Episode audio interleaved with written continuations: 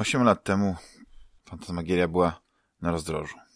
Nic e, złego się nie działo, ale było potrzebne odświeżenie. Przywinęło się przez nasze studio wirtualne wiele osób i nie każdy z nagrywających mógł zawsze poświęcić tydzień po tygodniu na, na nagranie, bo wiadomo, życie, praca. Nie każdy już tak dużo grał i, i śledził branżę. Wtedy też po raz pierwszy otworzyłem podwoje e, na podcastu i zaprosiłem chętnych do sprawdzenia się za mikrofonem.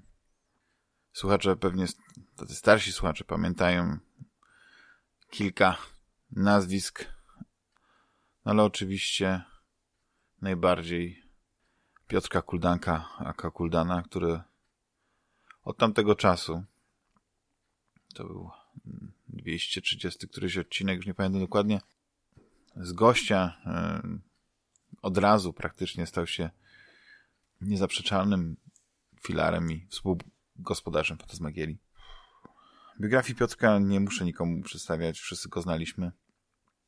I ostatnie tygodnie pokazały, jak e, wiele osób odczuło jego odejście.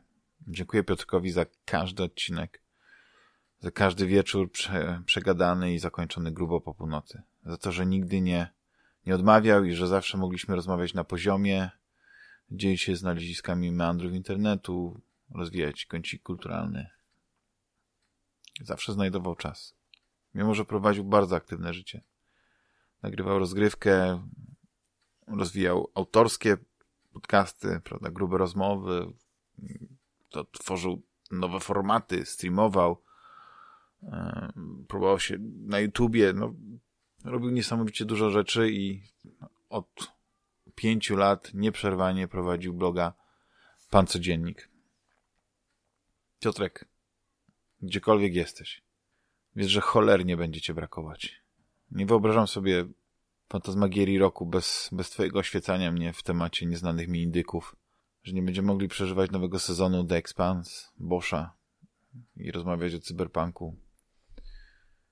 Nie wyobrażam sobie Pixela bez spotkania z tobą gdzie mimo napiętego harmonogramu zawsze wpadałeś w sobotę i mogliśmy symbolicznie przypieczętować kolejny rok najpodcastowej działalności. Ogromnie współczuję twojej rodzinie. Dla nich ogrom tragedii jest niezmierzalny. Mam nadzieję, że twój dobry duch czuwa. Jeśli chcecie pomóc rodzinie Piotrka, chłopak z rozgrywki organizowali zrzutkę. Adres do zrzutki zrzutka.pl ukośnik z ukośnik rozgrywka. W, tych, w tym momencie naprawdę jest to pomoc nie do przecenienia.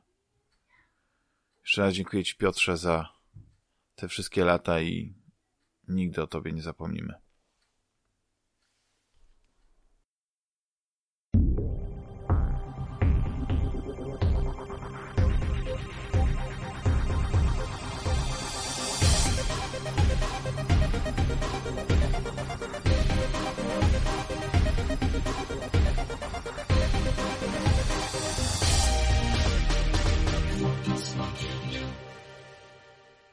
Witam, Fantasmagieria, podcast o grach komputerowych, konsolowych, ale i nie tylko.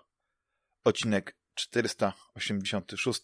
Ja nazywam się Damian Pelchaka-Dachman i ze mną jest Rafał Siciński, Kasik. Witaj, Rafale.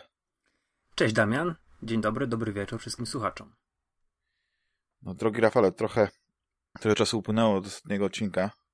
Mam nadzieję, że uda się w jakiś taki sposób, nie, tak, zrobić taki właśnie podwójny eskapizm, bo eskapizm w te, te, te wszystkie naszą rozrywkę ulubioną, czy filmy, czy gry, ale też właśnie w, w to nagranie i to może nas, nam zajmie jakoś tak pozytywnie myśli, bo dużo różnych rzeczy, nie tylko właśnie związanych z Piotrkiem się dzieje i mam nadzieję, że będzie e, pozytywnie e, rozwiązanych. Drogi, drogi Rafale, jak, jak ostatnio właśnie spędzasz czas, jeśli chodzi o, o świat e, cyfrowej roz, rozrywki, eskapizmów i rozumiem, że nie uniknąłeś tego, tego pociągu e, hypowego, że nie udało ci się prawda, ominąć szerokim łukiem Night City. I chciałem poznać te twoje pierwsze wrażenia. Day one, tak, jestem.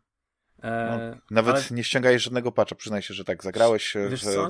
ten, wisz, chcę zobaczyć, jak ta gra wygląda. Nie dało się nie ściągnąć. Nie dało się nie ściągnąć. Aha. Bo w momencie, kiedy w środę włączyłem pobieranie, to już pobierało z. A rozumiem, bo po prostu cyfro, cyfrową wersję. Tak, tak cyfrową wersję kupiłem. A, wiesz jako Szczęśliwy, szczęśliwy posiadacz bazowej PS4, to doda, Dokładnie. dodajmy. To właśnie jestem, jestem w tej grupie testerów e, chyba naj, najbardziej dotkniętych. Mm, wiesz co, ale też kupowałem Cyberpunka nawet nie, jeżeli chodzi mm, nie będziemy patrzyli na, na, przez pryzmat hype'u, bo ja się w pewnym momencie wyłączyłem, nie oglądałem już e, ich doniesień, mm, ich tych takich cotygodniowych e, doniesień z Night City. Raczej, raczej z trzech względów. Bardzo dobrze wspominam te, te, to odkrywanie gry e, przy premierze zeszłorocznie Death Stranding. Naprawdę fajnie się samemu wszystko odkrywało mm, i, i nawet można się powiedzieć, tak, może w cudzysłowie tak nakreślę, bycie apostołem tej gry i namawianie innych do zakupu czy do, do ogrania, mm, chociażby na, na falach Fantasmagierii. Po drugie, ja dostałem go na urodziny i mogłem go kupić teraz, e, albo mogłem, wiesz, te pieniądze po prostu wydać na coś innego, aczkolwiek dostałem z, z adnotacją, to masz tutaj na urodziny Cyberpunka, no nie, w kopercie. E, i, I wiesz, głupio było... Głupio było mi... Jak no jakaś tak, łapówka. Tak. I wiesz, no tak to nie była transakcja tak, wiązana. Jakby to powiedzieć, no, no nie, mm, nie, nie wykorzystać tych pieniędzy, wiesz, no, wykorzystać na przykład na życie, tak? Kupić tam, nie wiem, zupełnie inne rzeczy. A, a po trzecie, no też dla, dla ciebie, dla Fantasmagierii, dla twoich słuchaczy, dla naszych słuchaczy to zrobiłem i, i żeby było o czym porozmawiać na, na falach e, podcastu, mhm. podcastu i, i dlatego bez wahania kliknąłem na PS Store preorder i, i zamówiłem grę. I co, i pierwsze, pierwsze to uderzenie to, to ta, ta fatalna grafika, to e, 540p, mm. beznadziejna optymalizacja, niska jakość e, tekstur, dogrywające się postacie, bo oczywiście nie masz SSD dysku swojej konsoli. No, na pewno też e, jeśli chodzi o liczbę kolorów, to pewnie miałeś tylko 16. No bo no, wiadomo. 16 to by było dobrze, wiesz. Jak Ale wiesz, ja, ja tak, zanim, zanim oddam ci głos, to tak sobie pomyślałem, że w ogóle y, to wszystko jest tak naprawdę wina y, tych, tych y, pośrednich generacji konsol. Bo kiedy, kiedy się okazało, że tak naprawdę gdyby, gdyby ta gra od początku do końca była optymalizowana na przykład na PlayStation 4, to by wyglądała, być może, ja nie, oczywiście nie, nie zakładam tak, ale zobacz jak GTA 5 dobrze wygląda teraz, nie? Chociaż to mhm. też jest trochę w innej skali gra i trochę starsza gra, ale tak naprawdę bardziej myślę o właśnie wspomniałem Death Stranding, właśnie o Uncharted 4. No to są gry, które fenomenalnie wyglądają. God The Last of Us. The Last of Us. To Ale... są oczywiście gry, które nie mają otwartego świata i, i dużo, dużo łatwiej jest nam upchnąć pewnych rzeczy, e, bo też nie masz samochodu, którym knie ulicami Night City z prędkością e, dźwięku, więc wszystko musi się ładnie dogrywać i tak dalej.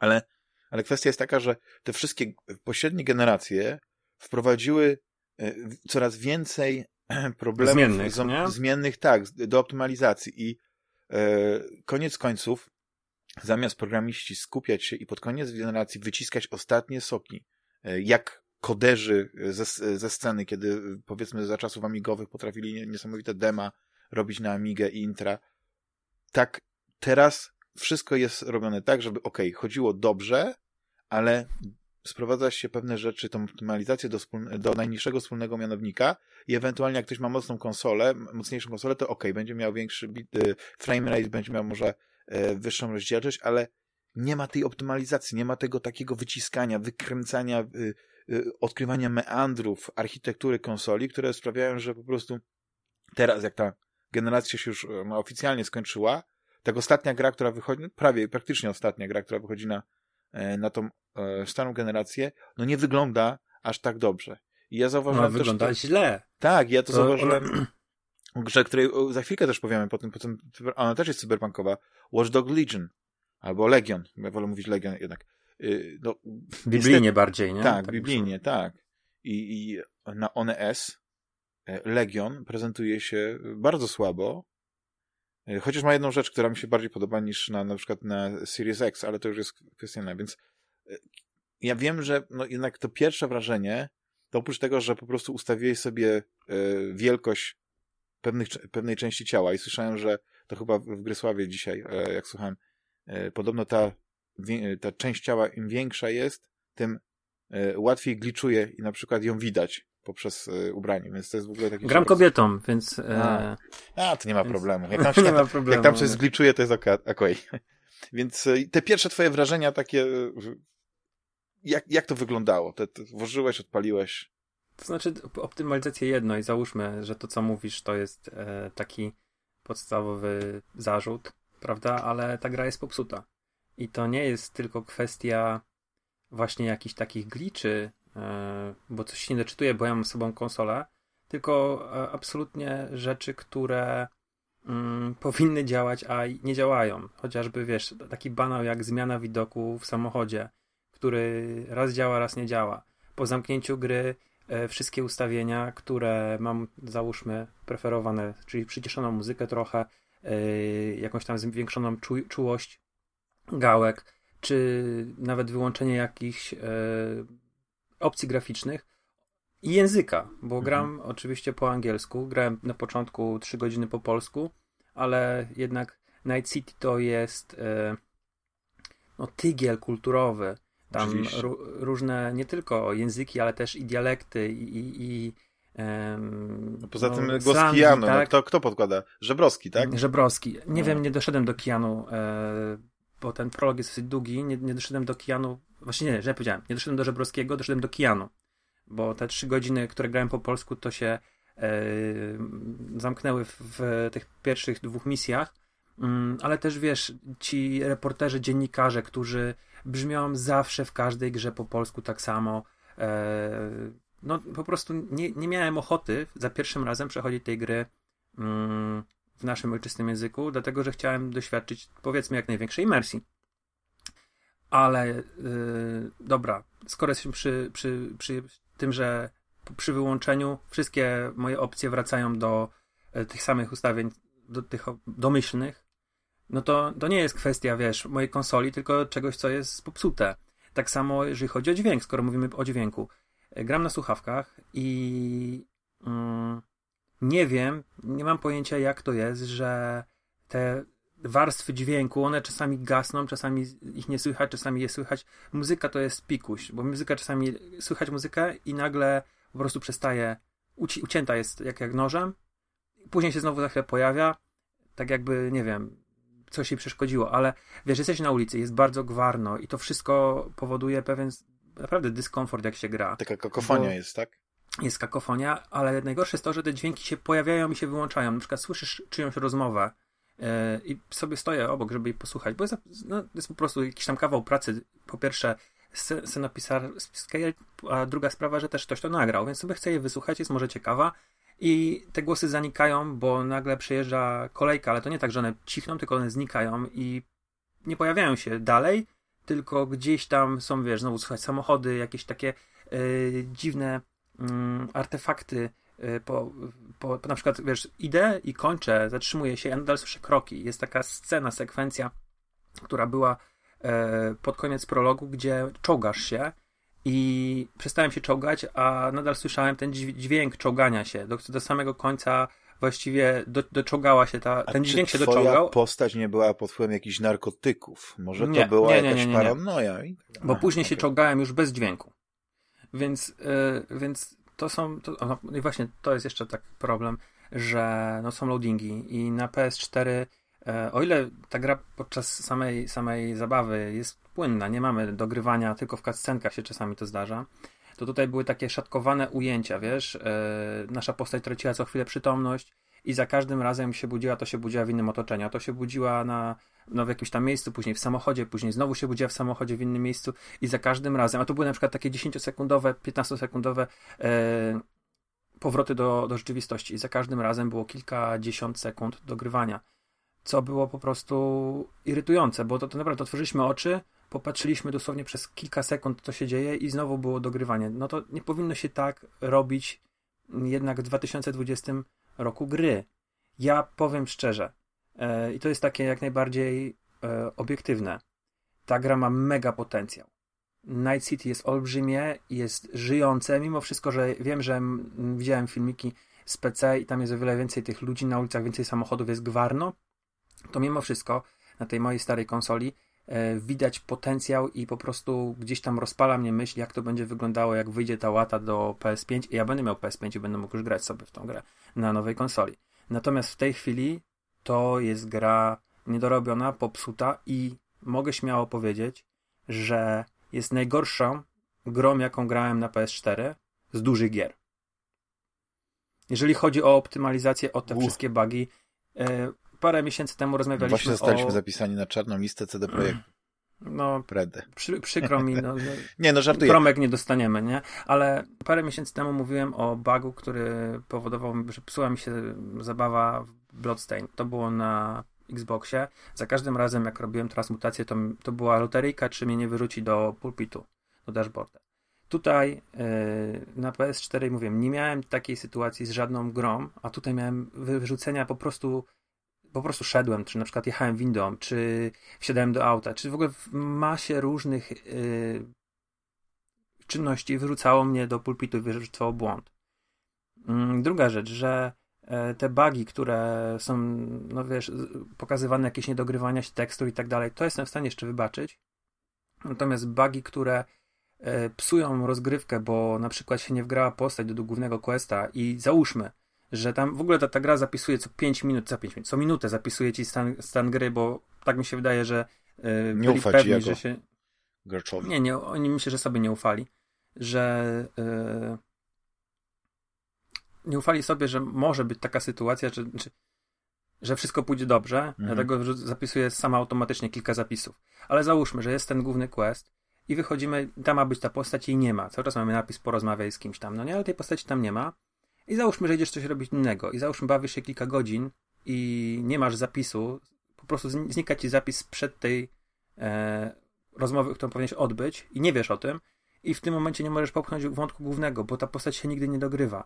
Trzeba było, wiesz, załadować, e, na szczęście miałem, bo się zorientowałem, że może tak być i po prostu jeszcze raz odbyłem kilku, minuto, minut, kilkunastominutową sekwencję no i była tam, sobie siedziała.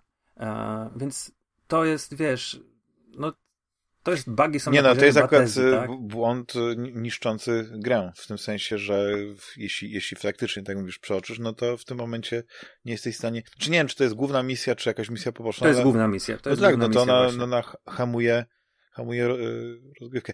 Tylko właśnie jestem bardzo ciekawy tego, y, jak jak to wszystko było testowane i czy na przykład ta obecna sytuacja na świecie, czyli e, te, te ograniczenia pracy w biurze, e, to, to prawdopodobnie zdalne testowanie, czy to w jakiś sposób wpłynęło? Bo, na pewno. No, bo nie wyobrażam sobie, żeby, żeby takie oczywiste błędy, o których mówisz, no przeszły przez, e, przez właśnie ten QA, czy to testowanie takie, no nie, QC, te quality control, jak to no, ładnie z angielskiego. 48 godzin nie mija i wychodzi kolejna łatka, która waży 18 giga. Ta, ta, ta gra teraz w tym momencie tak. ma ponad 130 gigabajtów na dysku konsoli. E, I ona też przy okazji parę rzeczy psuje, które nie było problemów. No to mhm. coś jest na rzeczy, tak, że oni wiedzieli, co wypuszczają e, i znaczy wiesz co, to, to tak sobie myślę, jak mówisz o tej grze jako grze, która ma niesamowity potencjał, ale w tym momencie jest zepsuta, to bardzo podobnie było, e, chociaż nie, nie w jakiej skali, bo ja za, od początku Wiedźmina trzeciego na przykład grałem na, na, na PC-cie, więc nie mhm. miałem jakichś takich większych problemów. No ale to tam ci płótka weszła na dach. No tam wiesz, no, takie były jakieś były. takie problemy pamiętam. związane y, y, z, z, z, samą grafiką i, i, i mhm. wydajnością. Mhm. I to były takie rzeczy, które, które wiele osób na przykład no, bardzo irytowały. No ale też wtedy to był i PlayStation 4 i Xbox One, no to były konsole które nie miały innych wersji, więc nie można powiedzieć, że o, na mocniejszej konsoli to będzie ładniej wyglądało, więc jak chcesz, żeby po prostu grafika ładniej wyglądała, to sobie kup One X, czy tam PlayStation 4 e, Pro. Nie. I oni ją zoptymalizowali. Ja, e, nie jestem do końca pewny, ale chyba wszystkich patchy do Wiedźmina trzeciego wyszło 34. To są takie mhm. oficjalne, wiesz, że tak wejdziesz chyba teraz gra jest w wersji 1.34 albo 38, już nie pamiętam, bo dawno nie zaglądałem i, i już dawno nowych, nowych patch nie było, ale teraz y, no, ta, ta gra W tym jest... roku grałem w Wiedźmina, bo na początku tak. roku obejrzałem serial, przypomniałem sobie siedmioksiąg, przeczytałem sezon Bush i zagrałem, przeszedłem całego Wiedźmina trzeciego Czy miałeś jakiekolwiek problemy z czymkolwiek? Nie miałem no żadnych właśnie. problemów. Ta gra jest ma tak. jakieś tam swoje rzeczy, których nie, nie przepadam, ale jest super zoptymalizowana na zwykłe PlayStation 4. Tak. Gra się świetnie, jest ładna i jest ładna tak. na monitorze, na którym gram, i jest ładna na telewizorze. Nie mam nic do zarzucenia. I też, żeby, żebyśmy się zrozumieli, e, bo, bo ja na przykład mówię, grałem w Fallouta 76, tak? Tylko już grałem go po wielu patchach i nie widziałem, jak wyglądał Fallout 76 na start. Ale grałem w Fallouta 4 bardzo blisko premiery. Grałem też w Fallen Order Star Wars, który na premierę w zeszłym roku było bardzo zbagowane. Mhm. To tam się działy różne śmieszne rzeczy. E, natomiast nie miałem, wiesz, takich problemów, jak są z cyberpunkiem. Ale mm, jeszcze, jeszcze mówiąc, bo powiem jedną rzecz, która jest przykra, a później będę chciał pochwalić. Dobra? Bo to też nie jest tak, żebyśmy się zrozumieli, że nie jestem Smurfem Marudą i... To była ta beczka dziegciu, a teraz łyżka miodu.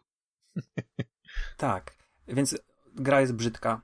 E, na PlayStation 4 i jeżeli słuchacze zastanawiacie się, czy na tą obecną generację kupować, to naprawdę mocno to przemyślcie. Może za jakiś czas, może y, jak zupgrade'ujecie sobie konsolę, czy może jak kupicie Xboxa właśnie lepszego, czy jak kupicie sobie lepszy PlayStation. Bo gra jest brzydka, słabo widać, jest taki dziwny wypa wypalenie kolorów. To nie, jest, to nie są barwy, które e, tam jest jakiś filtr nałożony. Można sobie tam pozdejmować na przykład motion blur, który jest w ogóle tragiczny i jeszcze bardziej psuje rozgrywkę, ale na przykład w ciemnych lokacjach ja nie widziałem do kogo strzelam. Nie, nie byłem w stanie tych postaci zobaczyć, musiałem podnieść gamma, e, czy obniżyć, tak? I, znaczy podnieść, dobrze mówię, żeby było jaśniej. I y, jest niewyraźnie. Generalnie ja mam wadę wzroku i ja e, tak ta gra chodzi, jak ja widzę bez okularów. To jest dobre porównanie moim zdaniem. No ale to jest taka sztuczka, A. żeby właśnie ukryć tą, tą, tą dynamiczną rozdzielczość i e, no ja dzisiaj przed południem sobie obejrzałem, bo bardzo jestem właśnie ciekawy, tylko że to jest takie podejście, które jest e, e, no z angielskiego to się mówi takie wiesz, szukanie, znaczy z angielskiego się inaczej mówi, ale po polsku to byłoby szukanie dziury w, w całym, chociaż tu nie ma, nie mówimy o całości, ale chodzi mi o to, żeby takie, wiesz, doszukiwanie się pewnej rzeczy, bo Digital Foundry na Eurogamerze właśnie tak robią. I jak ja oglądałem ten materiał na, na PS4, to oni na przykład zupełnie pominęli kwestie bugów e, y, takich, o których ty powiedziałeś, czyli takich, które wpływają na przykład na rozgrywkę, na, na, na, na jakieś takie elementy e, no, tego, tego saveowania, tego, tego dogrywania, a skoncentrowali się właśnie na rozdzielczości, na tym, że się tekstury nie dogrywają, na takich problemach właśnie też związanych e, z, z tą ostrością obrazu. Właśnie tak się zastanawiałem, że troszeczkę do, źle do tego podeszli, bo nie, przestrze nie przestrzegli E, za bardzo, za bardzo gracze, a sami też e, recenzenci, to zauważyłem, albo e, w większości grali wersję PC-ową, która no, na mocnym sprzęcie wygląda obłędnie. Ten rain tracing, ta wysoka rozdzielczość, te, te efekty świetlne tej takiej mgły i tej, tej, tego świata przechodzącego przez mgłę. Coś właśnie takiego jak, jak, jak było w Blade Runnerze, kiedy, kiedy miałeś no, no, taki niesamowity klimat po prostu tym, tą grą światem, że to wszystko jest, że jakby wizualnie oni bardzo odrobili lekcję, tylko potrzeba naprawdę mocny sprzęt. I wielu też recenzentów mhm. się bało, e, znaczy nie bało się, tylko właśnie też chyba gdzieś słyszałem, że y, przez mowie, że kiedy recenzujesz grę i dostajesz ją e, we wczesnej wersji lub tam z pierwszym patchem i wiesz, że gdzieś tam nie wiem, te błędy prawdopodobnie będą już do premiery na przykład naprawione, albo przynajmniej, no wydaje ci się, to, to nie wiesz, czy o nich możesz pisać w recenzji, no bo później będzie, no przecież nic takiego się nie wydarzyło. I zwykle jest tak, że jakby kiedy patche się po, pojawiają, to recenzenci też dostają informację, że słuchajcie, okej, okay, wiemy, wiemy o tym i o tym błędzie e, i to będzie poprawione w tym i w tym patchu, więc recenzent wtedy o tym nie mhm. wspomina. Mhm. I zastanawiam się, jak, jak to wyglądało, skoro faktycznie oceny na Metacritic są bardzo wysokie i z jednej strony, kiedy myślisz o klimacie, prawdopodobnie o tym, jak ta gra jest, jak, jaka jest ambitna i jak wygląda, kiedy wszystko działa super, to faktycznie ona, te wysokie noty jej się należą, ale później patrzysz na ten, yy, ten wynik oceny użytkowników i on jest bardzo niski i tu się odzywają właśnie głosy tych wszystkich ludzi, którzy mają bazowe sprzęty, czyli właśnie i Xboxa One, i PlayStation 4, jak te, i oni nie mają tego doświadczenia, które ma powiedzmy 1% graczy. I tu jest właśnie ten mhm. pies, pies przegrzebany. I dlatego dla mnie Cyberpunk 2077 to jest takim e, crazysem. pierwszy, kiedy Crysis pierwszy... Benchmarkowa gra. Dokładnie. Mówisz, kiedy tak? Crysis pierwszy chodził, to mało kto miał komputer, który mógłby odpalić to wszystko na, na tych najwyższych ustawieniach. A dzisiaj Crysis... No ale oni nie oszukiwali graczy, wiesz? Yy, wtedy Crytek nie, No nie bo, mówił, bo że Crysis nie był na inną... yy, tak, ta gra ci tak. pójdzie, pójdzie na wszystkim, tak? Tylko tutaj gra ma swoją premierę na generację, Mhm. na którą była zapowiadana i jest niegrywalna. Ale, znaczy, nie, że jest grywalna. Jest grywalna dla wielu ludzi, bo na przykład ja nie zwracam tak bardzo uwagi na grafikę, więc, Mhm. yy, więc mi to na nie przeszkadza. W miarę stabilna jest, jeżeli chodzi o klatki też, nie? Tam trochę spadki są, ale to głównie przy otwartym świecie. W misjach, gdzie się strzela, I jeździ samochodem. się Podobno jest, jazda samochodem wygląda Em. trochę jak w Arkham Knight, że po prostu spada tam do, do 20 i mniej klatek. Nie wiem, czy to odczułeś. Yy, Nie odczułem tego, yy, ale samochody na drodze się przy okazji dziwnie zachowują czasami. Można przez nie przejechać, czasami. mm, No dziwne Mhm. rzeczy się dzieją, ale to, to, to wierzę, że to takie rzeczy Tak, poprawią. Bo na przykład wiesz, doświadczyłem też takiego baga, że byłem nieśmiertelny, że spadły mi hapeki do zera, a mimo wszystko nie zginąłem. Może miałeś i- trauma team, który ci tam gdzieś z tyłu e, asekurował. Yy, Co, co było dosyć zabawne i trochę się po- wygłupiałem, pobawiłem. W ogóle nie mogłem ich podnieść później do, do tego poziomu tam wyższego, e, więc cały czas były na zerze i nie było żadnych takich artefaktów tam, czy czerwonego ekranu, czy coś w tym rodzaju. I po prostu mogłem sobie grać spokojnie, normalnie. Mhm. E, czy na przykład to, że zakładałem ubrania na moją postać i ona była cały czas goła. E, Że grasz to jest- kobietą, to to ci to strasznie przeszkadzało.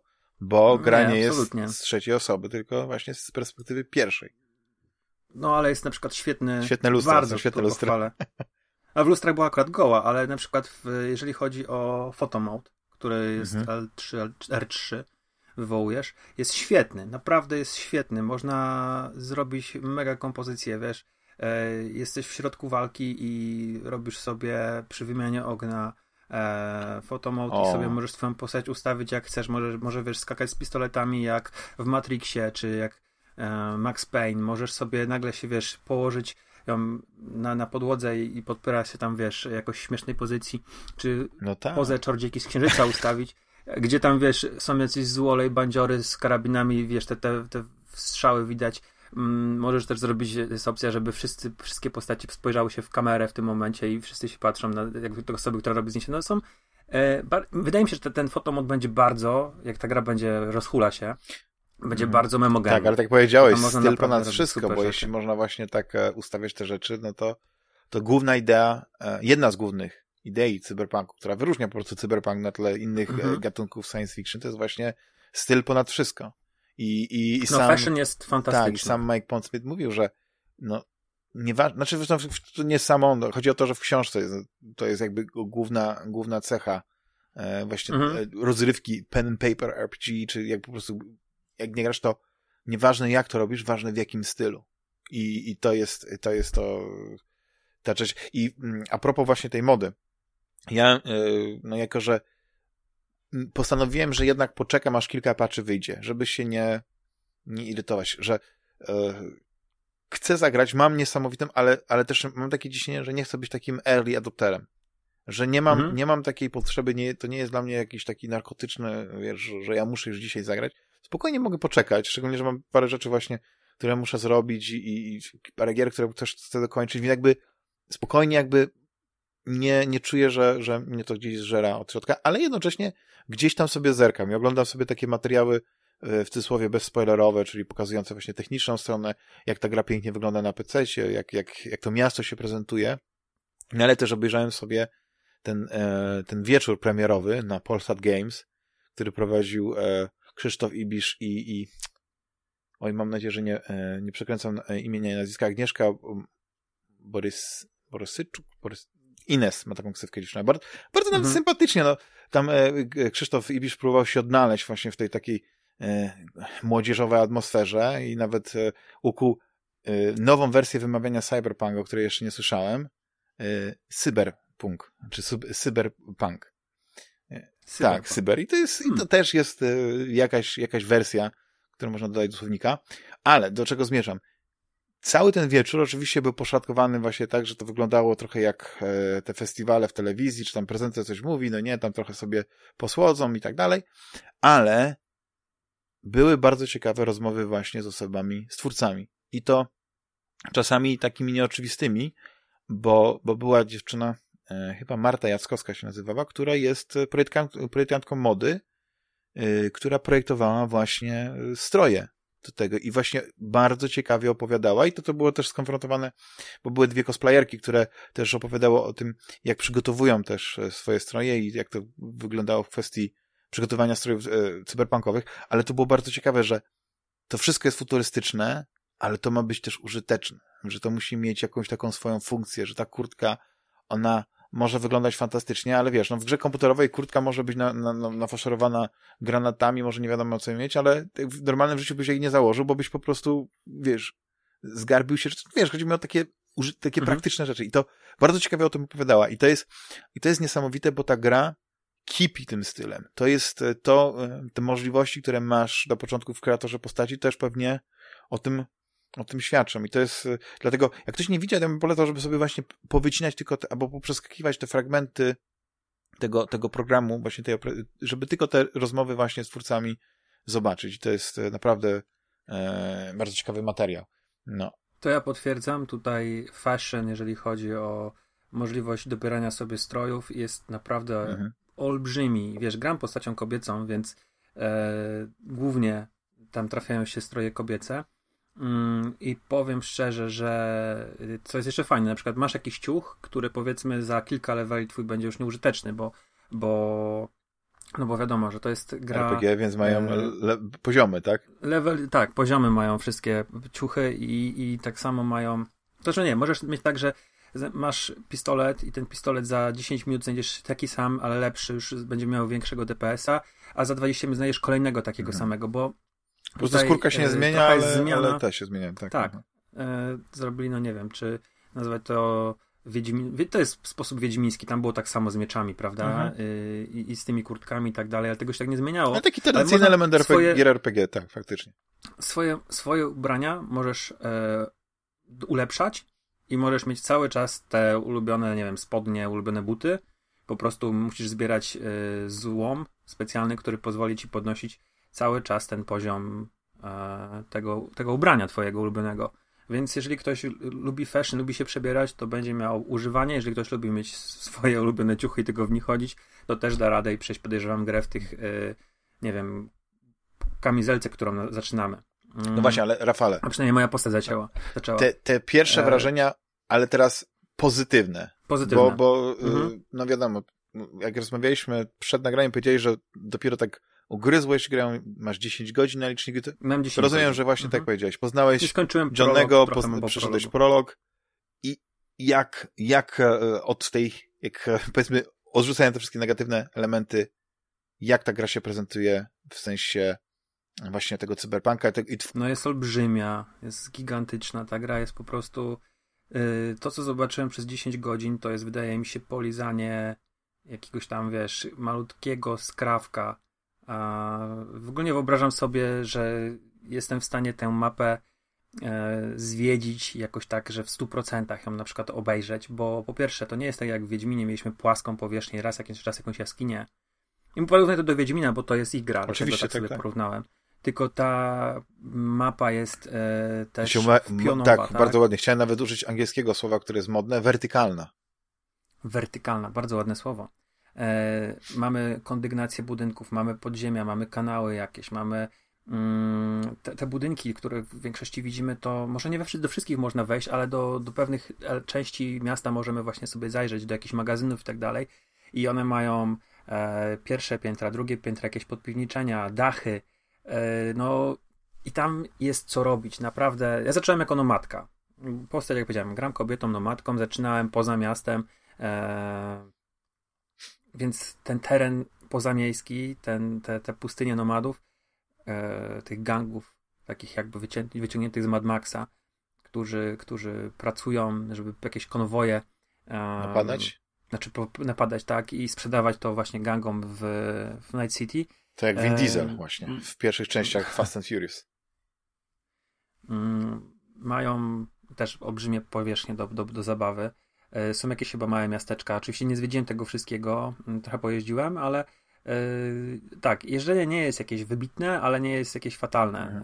Yy, było parę gier z otwartym światem, które miały to jeżdżenie zrobione gorzej. Na przykład ja źle wspominam Sleeping Dogs. Oczywiście to jest gra z generacji 360 Xbox i PlayStation 3, ale e, tak porównanie jest, że m, czego się można spodziewać. No ja też nie grałem we wszystkie, ale wydaje mi się, że to jeżdżenie nie jest jakieś fatalne. E, czuć różnicę między pojazdami, to na pewno. No i też można, tak jak mm. powiedziałeś, jak, jak się uda, jak się nie zatnie, możesz mieć widok z, za kierownicy. Czy to? No właśnie zaczyna się na widoku za kierownicy, więc jak, jak przejdziesz, są trzy widoki. Blisko samochodu, z oddalenia i za kierownicą. I za każdym razem, jak po prostu chciałem sobie zmienić ten widok za kierownicy na za samochodu, na trzecią, no, na trzecią e, mhm. osobę, to niestety to się nie udawało. Trzeba było wysiąść z samochodu, wsiąść jeszcze raz. Ale to już miało nie być dziekciu. E, fantastyczny voice acting amerykański. Tam a angielski. Tam w tych ulicach mówią z akcentami, e, slangiem, bardzo dużo e, różnych głosów. To, to mm, są po pierwsze mówią też po japońsku, chyba po chińsku, po rosyjsku na pewno. E, słyszałem jakiś jeszcze jeden europejski język, który jest e, w napisach tłumaczony. To, to jest takie fajnie zrobione, że tak jakby nam interfejs sam tłumaczył mm, język, który, który słyszymy. I pojawiają się napisy nad głową te, te odpowiednie. E, też to działa w, w tych takich wyreżyserowanych e, scenach, gdzie na przykład mamy kontakt z Japończykami i oni mówią po japońsku, a my mamy napisy no, odpowiednio po polsku, ale wcześniej są tak jakby tłumaczone na żywo na, na polski. To robi olbrzymie wrażenie. Naprawdę te postacie niezależne, które poruszają się po Night City, one robią masę różnych rzeczy. Mm, rozmawiają, rozmawiają przez telefon, zaczynają jakieś tam no, swoje sprawy mhm. załatwiać. Zatrzymują się, słuchają, robią sobie selfie, bo są też turyści w Night City i widzą kogoś na ulicy i robią sobie z nim zdjęcie, bo wygląda śmiesznie. E, bezdomni grzebią gdzieś tam w śmietnikach. No, e, to jest na pierwszy taki właśnie kontakt to robiło wrażenie. Takie żyjące miasto właśnie w którym można Mimo się zatopić. E, właściwie, właśnie tak jak mówisz, no, chodzić sobie i, i, obserwować, jak to wszystko funkcjonuje, gdzieś tam wejść do budynku. Właśnie to mnie w tym mieście najbardziej, bo drugi element, bo już wymieniliśmy jeden, styl ponad wszystko. Drugi element mhm. cyberpunka to jest jednak to miasto. Miasto jest bohaterem, tak jak, e, no, można powiedzieć, że Batman mógłby być w każdym mieście, ale jednak Batman istnieje w Gotham. Gotham to jest miasto Batmana.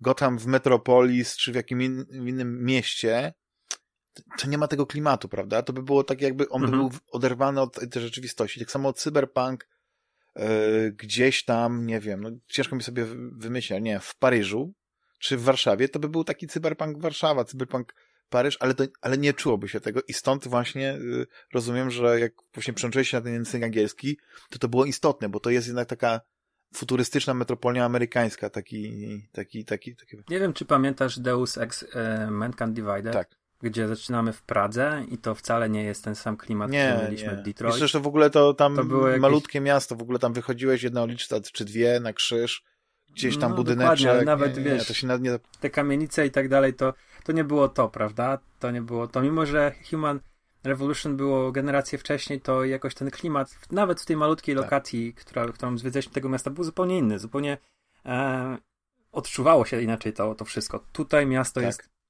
jeżeli chodzi o architekturę, jest fantastyczna. Ja uwielbiam, Gdyby... te, przepraszam, jeszcze raz ci wyjdę słowo, Rafale, będę ci tak cały czas chodził, bo jako, że nie grałem, to, Dobra, jasne, to jasne. te swoje mądrości tak e, chcę wrzucić, ale właśnie to miasto, ja uwielbiam tę, tę architekturę, która właśnie w tej, w tej no nie najlepszej książce e, Ziemiańskiego, Cyberpunk Początek, oni też próbowali nakreślić, znaczy próbował autor nakreślić e, to, to miasto jako, jako takie, taka porzucona metropolia ze szczelistymi wieżami, wieżo, tak i tak dalej, ale nadbudowana taką samobolką dobra, coś, co właśnie dla mnie e, jest jak, jak, nie wiem, jak w Hongkongu, czy w jakichś takich miastach, których oczywiście nie byłem tam osobiście, ale tak zawsze sobie wyobrażałem, że co by było, gdyby nagle nadzór budowlany nie istniał i ludzie zaczęli sami rozbudowywać sobie, budować kładki między e, wieżowcami, jakieś -hmm. takie, takie przejścia, rozbudowywać to, to miasto właśnie tak jak mówisz, wertykalnie, ale później na pewnym poziomie, powyżej tych slumsów, jeszcze gdzieś tam na tym. I na przykład w Mankind Divided, y, no, ta, ta końcówka jest w takim przepięknym miejscu, no nie? Tylko, że też, no nie ma tego, tego otwartości, więc tego nie możesz powiedzieć, tylko to widzisz, to tak trochę tak pocztówkowo jest. I mhm. e, właśnie dla mnie też jest ważne w, w cyberpunku, żeby te, to miasto było ogromne, rozłożyste, wysokie, żeby te drapacze chmur istniały gdzieś tam może wysoko y, mieszkali sobie ci korpo, ale na dole był ten slums i tak jak na przykład strasznie mi się podobało, y, i to jest cyberpunk, nie? Ten nowy Tita, y, to, y, Total Recall y, z, z Colin mhm. Farrellem. Fa e, fantastycznie wygląda po prostu e, dla mnie ktoś, kto to zaprojektował, no to jest geniuszem. Nie wiem, no to na pewno jest jakimś inspirowany, może jest jakaś wariacja na temat tych fa faleli, tak, brazylijskich, czy nawet jak się, nie wiem, jak to się wymawia. To, te, te slumsy australijskie, nie, że Wiesz, bo pamiętasz koncepcję nie, tego, tej, tej nowej wersji. Tak, że jest winda przez środek tak. ziemi, przelatuje i oni I, tam. I biedni ludzie właśnie mieszkają w Australii, ale pracują w Londynie i dzięki tej szybkiej windzie mogą po prostu szybko się do tej pracy dostać. I, i to mi się strasznie podobało. I oczywiście e, za każdym razem, jak, jak, jak patrzę na coś, co ma, co ma w tym tytule Cyberpunk, to ja chcę zobaczyć to miasto. I to samo właśnie było w tym modyfikowanym węglu, w tym serialu, to samo jest właśnie w tej grze Cyberpunk że jak patrzę na te, na te obrazki, na te filmiki, tak jak powiedziałem, bezspoilerowo, to niesamowitą uwagę właśnie, znaczy przy, przykładałem zobaczyć, jak oddali ten klimat, te neony, te światła. Jeszcze pochwalę trochę miasto, bo mieszkamy w mega bloku, czyli tam wiesz, kilkadziesiąt pięter, yy, mieszkania obok mieszkania, a przy okazji na niektórych poziomach wiesz, a to jest siłownia, a to są sklepy, E, taki, wiesz, samowystarczalny blok, tak. który e, może funkcjonować sobie spokojnie. Mm, ale to miasto jest naprawdę zaprojektowane i to nie jest zaprojektowane z myślą, żeby fajnie się grało, tylko ono jest zaprojektowane tak, jakby tam naprawdę mieli ludzie mieszkać. Wiesz, na przykład w Paryżu mnie to urzekło, że miejsca takie, które nie za bardzo możesz postawić blok albo jakiś sklep, to mm, na przykład było boisko do koszykówki. Tam tak właśnie też jest, że wiesz, pod jakąś estaka, estakadą na jakimś dachu są boiska do koszykówki. Czy mm, jest jakieś tam małe miejsce, to jest stawiona, wiesz, jakaś powiedzmy e, dziwny, dziwny budynek w dziwnym kształcie, ale zrobiona jest tam knajpa. E, są, są zaułki prawdziwe, jakieś skróty, mm, wiesz, schody, które e, w normalnej grze na przykład by był ciąg, byłby blok postawiony, w sensie przecznica, gdzie po jednej stronie masz drogę, po drugiej stronie masz drogę i po środku masz tekstury, które pokazują ci, wiesz, e, że są niby tam mieszkania, jakieś takie, takie pierdoły sklepy. Tutaj masz poprzetykane takimi nitkami, wiesz, jakieś mniejsze, wyższe dachy, na które pewnie będzie można wskoczyć przy odpowiednich wszczepach, bo są dwa miejsca na, w nogach, które możesz podwójny skok mieć i możesz mieć taki ładowany skok, więc domyślam się, że będzie można też wskakiwać w miejsca, w których teraz nie mogę. Ale są walki na pięści, tak jak w Wiedźminie, znowu porównuję Wiedźmina, ale mamy mm, w swoim bloku właśnie gościa, który prowadzi siłownię, on tam ci proponuje, żebyś się pobił z takim robotem treningowym, ty mu sprawiasz łomot. I on mówi, zaproponuje proponuję ci, żeby ustawić, znaczy, żebyś był, był, wszedł w walki. I musisz do tej pierwszej walki gdzieś tam sobie dojść, do, to jest w dzielnicy Kabuki, i to wcale nie jest takie łatwe, żeby tam trafić, bo to musisz wejść po schodach i, i masz na tych właśnie normalnych budynkach postawione slamsy, takie fale, falele, tak? Farel.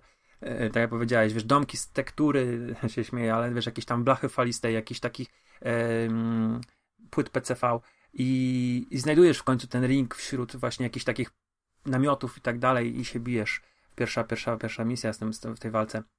I kurde, to jest wszędzie. To jest naprawdę jest, na przykład jest takie fajne miejsce, taka restauracja, gdzie jest, właśnie zastanawiam się, czy ona będzie, na przykład jak się miał na przykład na PC, to tam są naprawdę ryby, bo ona jest, z przodu ma akwaria i na górze ma e, taki przeszklony mm, cylinder, który też jest e, też jest akwarium i tam czy tam pływają ryby, bo u mnie nie pływały ryby na przykład. Ale właśnie, i to tak wyglądało trochę biednie, ale jest super, jeżeli chodzi o architektoniczny pomysł. No i każda dzielnica już się różni. Są, wiesz, to, to, to miasto jest e, na pustyni, tak? Więc są opady deszczu, więc są te wielkie kanały burzowe i te kanały burzowe też są wykorzystywane. Gdzieś tam na tych, wokół nich są budowane fabryki. Um, też można tam tędy jeździć, tam są też misje.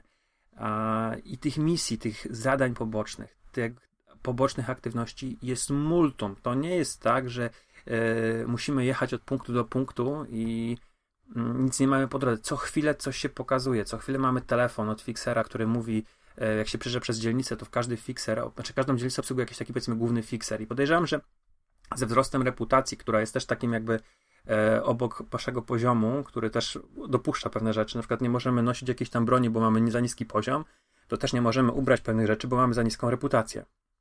Więc podejrzewam, że tak samo działają fikserzy. Im masz większą reputację, tym się będą kolejni odzywali za kolejnymi zadaniami. Ale możesz też pracować jako łowca głów, możesz y, jakieś y, napady na ulicy, które się pojawiają właśnie w losowych momentach, bo kilka razy przychodzimy przez jedno miejsce i tam się nic nie działo i nagle była wielka strzelanina, gdzie ginęli policjanci, można było się w to wtrącić i pomóc policjantom na przykład. E, są ta cała warstwa mm, hakowania różnych rzeczy, za którą też dostajemy doświadczenie. Tam właściwie wszystko można zhakować. A to jakieś fajnie jest wizualnie właśnie... przedstawione? Czy mamy tą cyberprzestrzeń zaprezentowaną, czy to jest na zasadzie takiej, nie wiem, albo minigierki, albo po prostu coś tam klikasz niby hakujesz? Um... Bo rozumiem, że postaci Netrunnera bazowo nie można mieć, tak? Czy... Nie, ale można się specjalizować właśnie w hakowaniu. E, mamy te kilka podstawowych czynników, na które wydajemy sobie atrybutów, powiedzmy, na które wydajemy sobie punkty i one tam to jest powiedzmy, mm, teraz nie pamiętam dokładnie nazw, ale jest powiedzmy siła fizyczna, e, refleks, umiejętności techniczne, zimna krew, opanowanie, coś w tym rodzaju i e, te umiejętności hakerskie. I w zależności ile tam punktów sobie zainwestujemy, to mamy, wiesz, więcej punktów życia, lepszy pancerz, możemy otwierać drzwi, drzwi siłowo, bo niektóre drzwi możesz otworzyć, bo masz umiejętności techniczne, a niektóre musisz mieć na przykład 10 tej, tej fizyczności, żeby je, wiesz, jakoś na sposób otworzyć. Mm, to, to także sobie w ten sposób możemy torować drogę i im bardziej rozwijamy umiejętności hakerskie, hakerskie, chociaż się przyznam, bardzo słabo to rozwijam, tym mamy więcej też e, możliwości właśnie. Tak. Później, tak, i później mamy jeszcze umiejętności, całe drzewka umiejętności, ich jest kilkanaście, nie, przynajmniej dziesięć na pewno ich jest. E, czy to wytwarzanie, czy to mm, jakieś tam właśnie związane z walką wręcz, karabiny, pistolety, e, bronie jakaś taka smart. No jest tego masa. Oczywiście no, przy, przyznam się, no jestem na dziesiątym, tak jak 10 godzin, jestem na dziesiątym levelu, dopiero posmakowałem e, tej powierzchni ale jest daje już wyobrażenie, jak to może wyglądać za kilkadziesiąt godzin, jak na przykład bym sobie inwestował tylko w hakowanie i jak te wszczepy, które musisz sobie w taki odpowiedni, ten podstawowy wszczep e, lepszy kupić, bo ten taki podstawowy jest, e, ma małą pamięć rami, możesz mało rzeczy robić, na przykład nie możesz komuś zrestartować systemu, bo masz za mało tej pamięci operacyjnej, więc musisz mieć lepszy ten główny wszczep. Mm, ale możesz na przykład przejąć kamery wroga, możesz je wyłączyć Yy, netrunnerzy potrafią też u ciebie, do ciebie wywołać różne efekty. Mogą cię podpalić, jakieś spięcie zrobić i się zapalą ci ręce, czy oślepić cię. Też oni cię widzą przez kamery, więc możesz te kamery niszczyć pistoletem albo je wyłączać, ale też możesz kogoś wypatrzeć właśnie z kamerą, którą przejąłeś. Możesz też jakieś punkty dostępu, gdzie możesz się włamać. I to jest taka minigierka, której ja Eee, znaczy rozumiem Nie zasady, okiełznałeś jej, nie opanowałeś do perfekcji. Nie w stu procentach, jeszcze, jeszcze, jeszcze czasami się wywalam na niej. Eee, bo ona, ona nie jest głupia, to jest takie dopasowywanie ciągu znaku do takiej powiedzmy mm, tabelki. Właśnie. I teraz i znowu chciałem y, kolejny element cyberpunku, bo już wymieniliśmy styl, miasto i y, te cyberwstrzepy, to mnie bo też jest to ważne, gadżety. Nieodłącznym elementem mhm. cyberpunku są gadżety. Oczywiście ja zawsze byłem E, zafascynowany, jak przeglądałem podręcznik. No ten podręcznik, który już ma e, praktycznie 30 lat od Cyberpunka 2020, kiedy widziałeś te wszystkie niesamowite rzeczy, tą, tą, tą, ten deck Netrunnera, te, te telefony komórkowe, wiesz, składane i tak dalej, i tak dalej. I, i zawsze yy, zabawne jest to, że nikt nie przewidział, że te wszystkie gadżety zastąpi jedno proste urządzenie, telefon komórkowy, tak, że w dzisiejszym czasem. No ale Y, rozumiem, że są pewne gadżety, których jednak telefonem komórkowym nie da się y, y, zastąpić i to są te wszystkie wszczepy, modyfikacje cybernetyczne, jakieś takie rzeczy, które wspomniałeś, że jakby mamy pewne sloty, które możemy zrobić, ale czy na przykład możemy e, do jakiego stopnia możemy się przebić, bo ja nie wiem, czy to akad jest ten współczynnik człowieczeństwa w cyberpunku w grze ma znaczenie, bo nie widziałem, bo, żeby bo, był taki Próbuję się sobie i... przypomnieć, czy to było w, czy w Shadowrunie, czy w cyberpunku, że kiedy e, im miałeś więcej szczepów, tym traciłeś więcej tego człowieczeństwa, tego kontaktu, mhm. e, tej, tej ludzkiej istoty. I zawsze było to ryzyko, że po prostu w pewnym momencie, wiesz, coś ci szczeli i wiesz, Skynet albo coś w tym stylu. I, e... Jest tutaj taki wątek w ogóle, właśnie, który sugerują nam, że właśnie wszczepy mogły wywołać pewnego rodzaju psychozę. Jedna z postaci była dziennikarka, która teraz jest powiedzmy headhunterką e, zleca nam mm, wyłapywanie i obezwładnianie ludzi, których właśnie coś takiego dotknęło. Jest śledztwo prowadzone, które ona w rozmowach z nami czy SMS-ach prowadzi, prowadzimy powiedzmy wymianę zdań, ale też znajdujemy różnego rodzaju dowody w postaci logów. I to jest, e, tak jak mówisz, w świecie gry jest to, e, istnieje coś takiego, natomiast jako chyba postaci nie ma przynajmniej czegoś takiego w statystykach. E, natomiast możemy sobie zupgrade'ować właściwie każdą część i każdy układ. Mamy już na wstępie zrobione oczy. Jest cały wątek, kiedy tam nam lepszy, lepszą gałkę oczną wkładają i, i mamy jakieś tam umiejętności.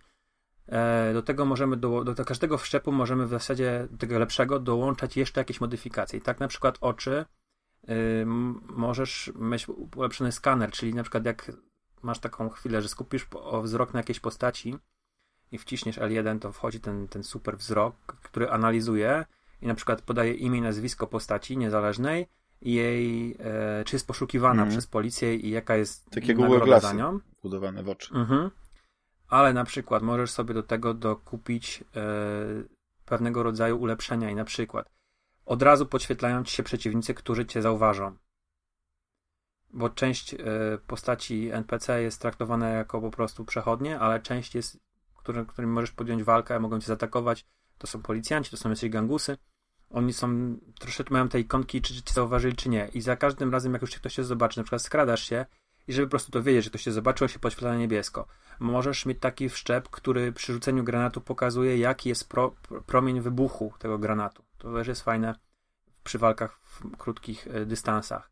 E, masz modyfikację serca, układu krwionośnego, kości, e, nóg, czyli ten podwójny skok i ładowany skok.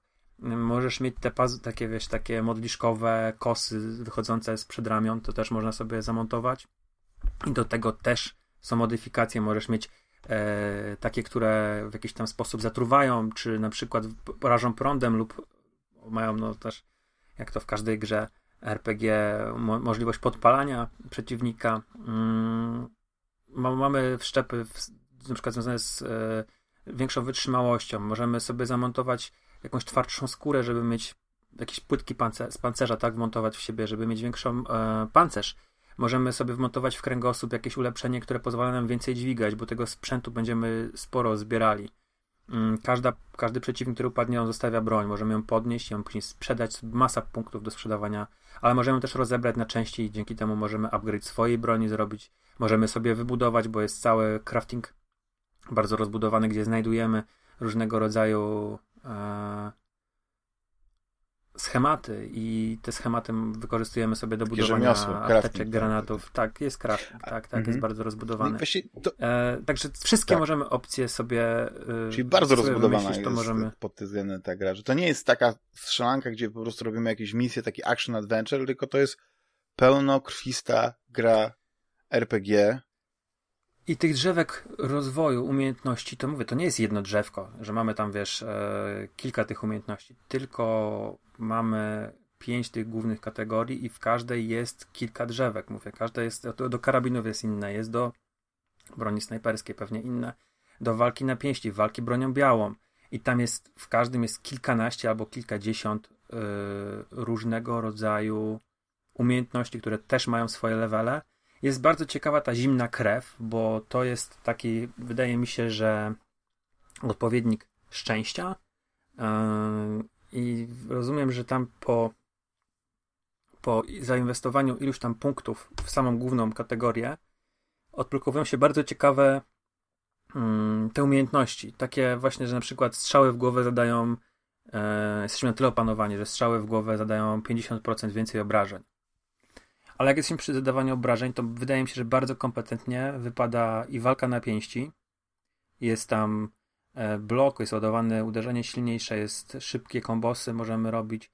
Um, gdzieś tam możemy przełamywać przeci obronę przeciwnika, jak i walka bronią białą, która działa na bardzo podobnych zasadach. Możemy właśnie tą bronią białą albo zabijać po cichu, albo możemy też e, ogłuszać przeciwników. Są te bronie, które ogłuszają, kiedy mają ogłuszyć.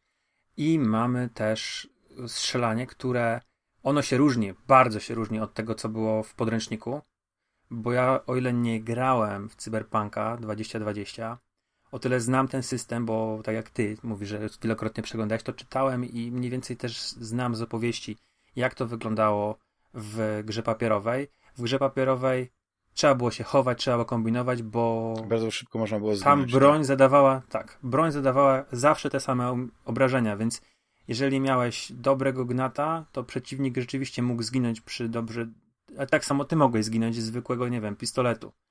Tutaj to jest zrobione e, po RPG, komputerowemu RPG, czyli każda, każda broń z nowym levelem e, ma znaleziona każda nowa broń z, z twoim wyższym levelem ma A to tylko obrażenia, obrażenia są, nie? Na celność nie wpływa. Nie, celność wpływa nasze, nasze celowanie mysz, klawiaturą, myszką i padem, tak? A natomiast e, to samo tyczy się przeciwników. Oni są. A, dlatego ja sobie obniżyłem. Na początku zacząłem grać na hardzie, ale później sobie obniżyłem, sobie obniżyłem na średni, na normalny poziom, bo to na początku właśnie mi się wydawało, że trochę bez sensu, że to takie wymiany ognia, które trwają bardzo długo, to niekoniecznie jest to, czego tak. szukam tak. w tej grze. Bardzo przyjemnie się strzela. Te bronie się zupełnie inaczej zachowują. Czuje się strzelba dwururka jakaś specjalna, zachowuje zupełnie inaczej niż strzelba pompka. E, tak samo pistolety, czuć różnicę. Taki pistolet y, Silverhanda, który przez moment gramy właśnie y, Silverhandem, e, to on jest naprawdę dużo bardziej potężny niż jakiś tam pistolet, który do tej pory mieliśmy. Znajdujemy jakieś ikoniczne pistolety też, które podejrzewam są właśnie wyciągnięte z cyberpunka, są jakimiś brońmi, które mają nazwy swoje. I to też jest e, zazwyczaj bardziej i precyzyjna broń, i zadaje większe obrażenia. Można je cały czas upgrade'ować, czyli sobie przechodzić z jakimś unikalnym pistoletem całą grę. Snajperek jeszcze nie doszedłem do tego etapu, że mogłem używać, bo one miały poziom 10, więc jak wskoczyłem na poziom 10, to nie zdążyłem ich wykorzystać. Ale są też, po pierwsze, e, karabiny smart, które są, mają samonaprowadzone pociski i karabiny, którymi możemy rekoszetować od powierzchni. I gdzieś tam możemy sobie kupić taką chyba optykę. Na pewno w rękach mamy wspomaganie w dłoniach. To jest taka wyższa matematyka, no chyba nie obliczasz sam tych kątów, tylko to też jest tak trochę jest, na, jakiś, na jest, jest jakiś taki tak, na zasadzie smart jest jakiś tam pomoc z, ze strony optyki i, i kupuje się specjalne wszczepy w dłonie, żeby móc właśnie mm, używać takiej, takiej broni i żeby na przykład rykoszetować te pociski, więc to jest zaimplementowane w grę. Więc to są rzeczy, które są bardzo ambitne, które rozpalają właśnie wyobraźnię i jakby to wiesz, chodziło, jak to by wszystko chodziło w tych 60 klatkach i w tej pięknej grafice, którą widziałem na, na, na gameplayach z PC, no to wiesz, to, to no, po prostu. Przyjdzie moment taki, że, że pewnie. Że to będzie, sprawdzę, tak, tak. tak. Być może to będzie Ale... szybciej, właściwie więcej, szybciej może osoby zmienią e, generację niż jakby poprawią to na, na, na starych konsolach, no ale tak już podsumowując, to teraz chciałem, żebyś mi powiedział, jak to wygląda właśnie z tym, z tym flafem, e, tak konkretnie, właśnie jak, jak poznajesz tą fabułę? Czy jest dużo właśnie jakichś takich znajdziek, gdzie masz jakieś, e, właśnie tak powiedziałeś, gdzieś coś czytasz, doczytujesz, ktoś coś mówi, czy są jakieś audiologii, czy są jakieś, e, jest dużo scenek przerwnikowych. Jak ten świat ci się prezentuje właśnie od e, takiej kwestii fabularnej? Czy, czy on cię pod tym względem pochłonął? Czy, czy po prostu spijasz każdą właśnie linijkę e, tekstu e, tych, tych bohaterów, nie wiem, czy, czy te rozmowy z Jackiem są takie ciekawe, czy Keanu cię oczarował swoim i, jest, i był po prostu breathtaking, czy jak, jak to wygląda właśnie pod względem? Keanu to jest kawał gnoja w tej grze na początku, przynajmniej te pierwsze moje spotkania nie są z nim zbyt sympatyczne. ale od czego zacząć? Ten pierwszy, to jest nazwany prologiem, więc ten prolog jest bardzo zagęszczony, jeżeli chodzi o fabułę mamy naprawdę fajnie prowadzoną ekspozycję, bo po pierwsze mamy jakieś, jako to nomadka, mamy jakieś tam, może nie wszystkie, bo tam jak w ogóle y, podczas dialogów, to mam tam opcję, że jesteś nomadem i tam jest napisane nomad i jest jakaś opcja dialogowa, która podejrzewam dla innych klas jest niedostępna, tych startowych. Mhm. Czyli Korpo Szczura i Cyberpunka. I możemy się właśnie mm, w tych dialogach pewnych rzeczy dowiedzieć, dopytać, Mamy rozmowy telefoniczne, które też nam w jakiś tam sposób tłumaczą ogląd sytuacji. Są takie scenki, które są. Mm, mamy cały czas także zrobione to, że mamy cały czas władzę nad swoim głową. Możemy sobie poglądać pomieszczenie, w którym siedzimy i rozmawiamy, zadawać pytania. Mm, czyli to nie są tak jakieś takie zupełnie pozbawione naszej ingerencji. Jest tego trochę naprawdę, tak jakoś powiedzmy godzina to była takich właśnie siedzenia, rozmów, słuchania ludzi. I dużo jest znajdziek, tak jak powiedziałem, nie ma audiologów, są bardzo krótkie y, wpisy i to są takie często albo jakieś takie artykuły jakby z gazet czy magazynów, y, czy, czy na przykład y, wyrywki z książek. Mhm. i są też takie e, PR-owe bzdury. Jesteśmy w hotelu, to mamy jakieś tam PR-owe reklamy, jak to ten hotel jest wspaniały i jesteśmy w jakiejś fabryce e, mięsa sztucznego i tam też mamy jakieś znajdujemy audiologii o tym, jak to się dzieje, że to mięso jest takie fajne i ten proces produkcyjny, e, który widzimy, bo chodzimy sobie po tej fabryce, znaczy, zwiedzamy w innym celu tam jesteśmy. To nie jest tak, że sobie idziesz i patrzysz, jak to mięso jest zrobione, ale to się gdzieś tam dzieje obok, powiedzmy, albo działo się obok. Widzimy te mm, te hale, te ciągi produkcyjne, ale gdzieś tam przy okazji znajdujemy w pomieszczeniach kontrolnych jakieś takie właśnie PR-owe pierdółki. Do tego e, znajdujemy właśnie te artykuły, które są ekspozycją. Na przykład gdzieś tam dowiadujemy się, dlaczego nie ma ptaków w Night City, bo ptaki roznosiły choroby i zostały wszystkie wytrzebione tam kilka Może się okazało, wcześniej. że właśnie ktoś odkrył, że to są drony i przestały się ładować ich baterie. albo, albo wiesz co, e, albo po prostu Redzi doszli do wniosku, że to już by było za dużo i po prostu w tym świecie nie ma ptaków, bo by za dużo żerały pamięci. A niech robią ptaki, które wysoko bardzo... latają, takie, które powiedzmy tam gdzieś kropki i tylko mhm. słychać, że ćwierkają. Takie wiesz, no. Ale są, są, są robaki na ziemi, za to tak. biegają, widziałem. Znaczy wiesz, to, w świecie jest... przyszłości coś takiego jak żywe zwierzęta to też jest y, rzadkość, przynajmniej w Blade no, Runnerze pierwszej... to, to ktoś, kto miał prawdziwe, żyjące zwierzę, to, to było niespotykane. Tak, to, to ludzie sobie właśnie kupowali mechaniczne zabawki, znaczy zabawki, przepraszam, e, ulubieńców mechanicznych, czy psa, mhm. kota, kozek, owce i tak dalej. No ale dlatego się tak nie dziwię, że mogliby myślę, to spokojnie chyba, wytłumaczyć. Chyba widziałem do tej pory jedno żywe zwierzę. Jakiegoś pieska. nie, akurat jest mhm. to duża jaszczurka. Tak. Ale wiesz co, no, naprawdę ta fabuła jest fajnie mhm. opowiadana. Ciężko mi powiedzieć w tym momencie, po pierwsze, nie chciałbym Nie, nie, chodziło mi o to właśnie, to, czy, czy jest gęsta, o, wiesz, w tym sensie... Że, jest gęsta, dzieje się dużo, mamy to główne zadanie, mamy ten skok, który mamy wykonać i on ma...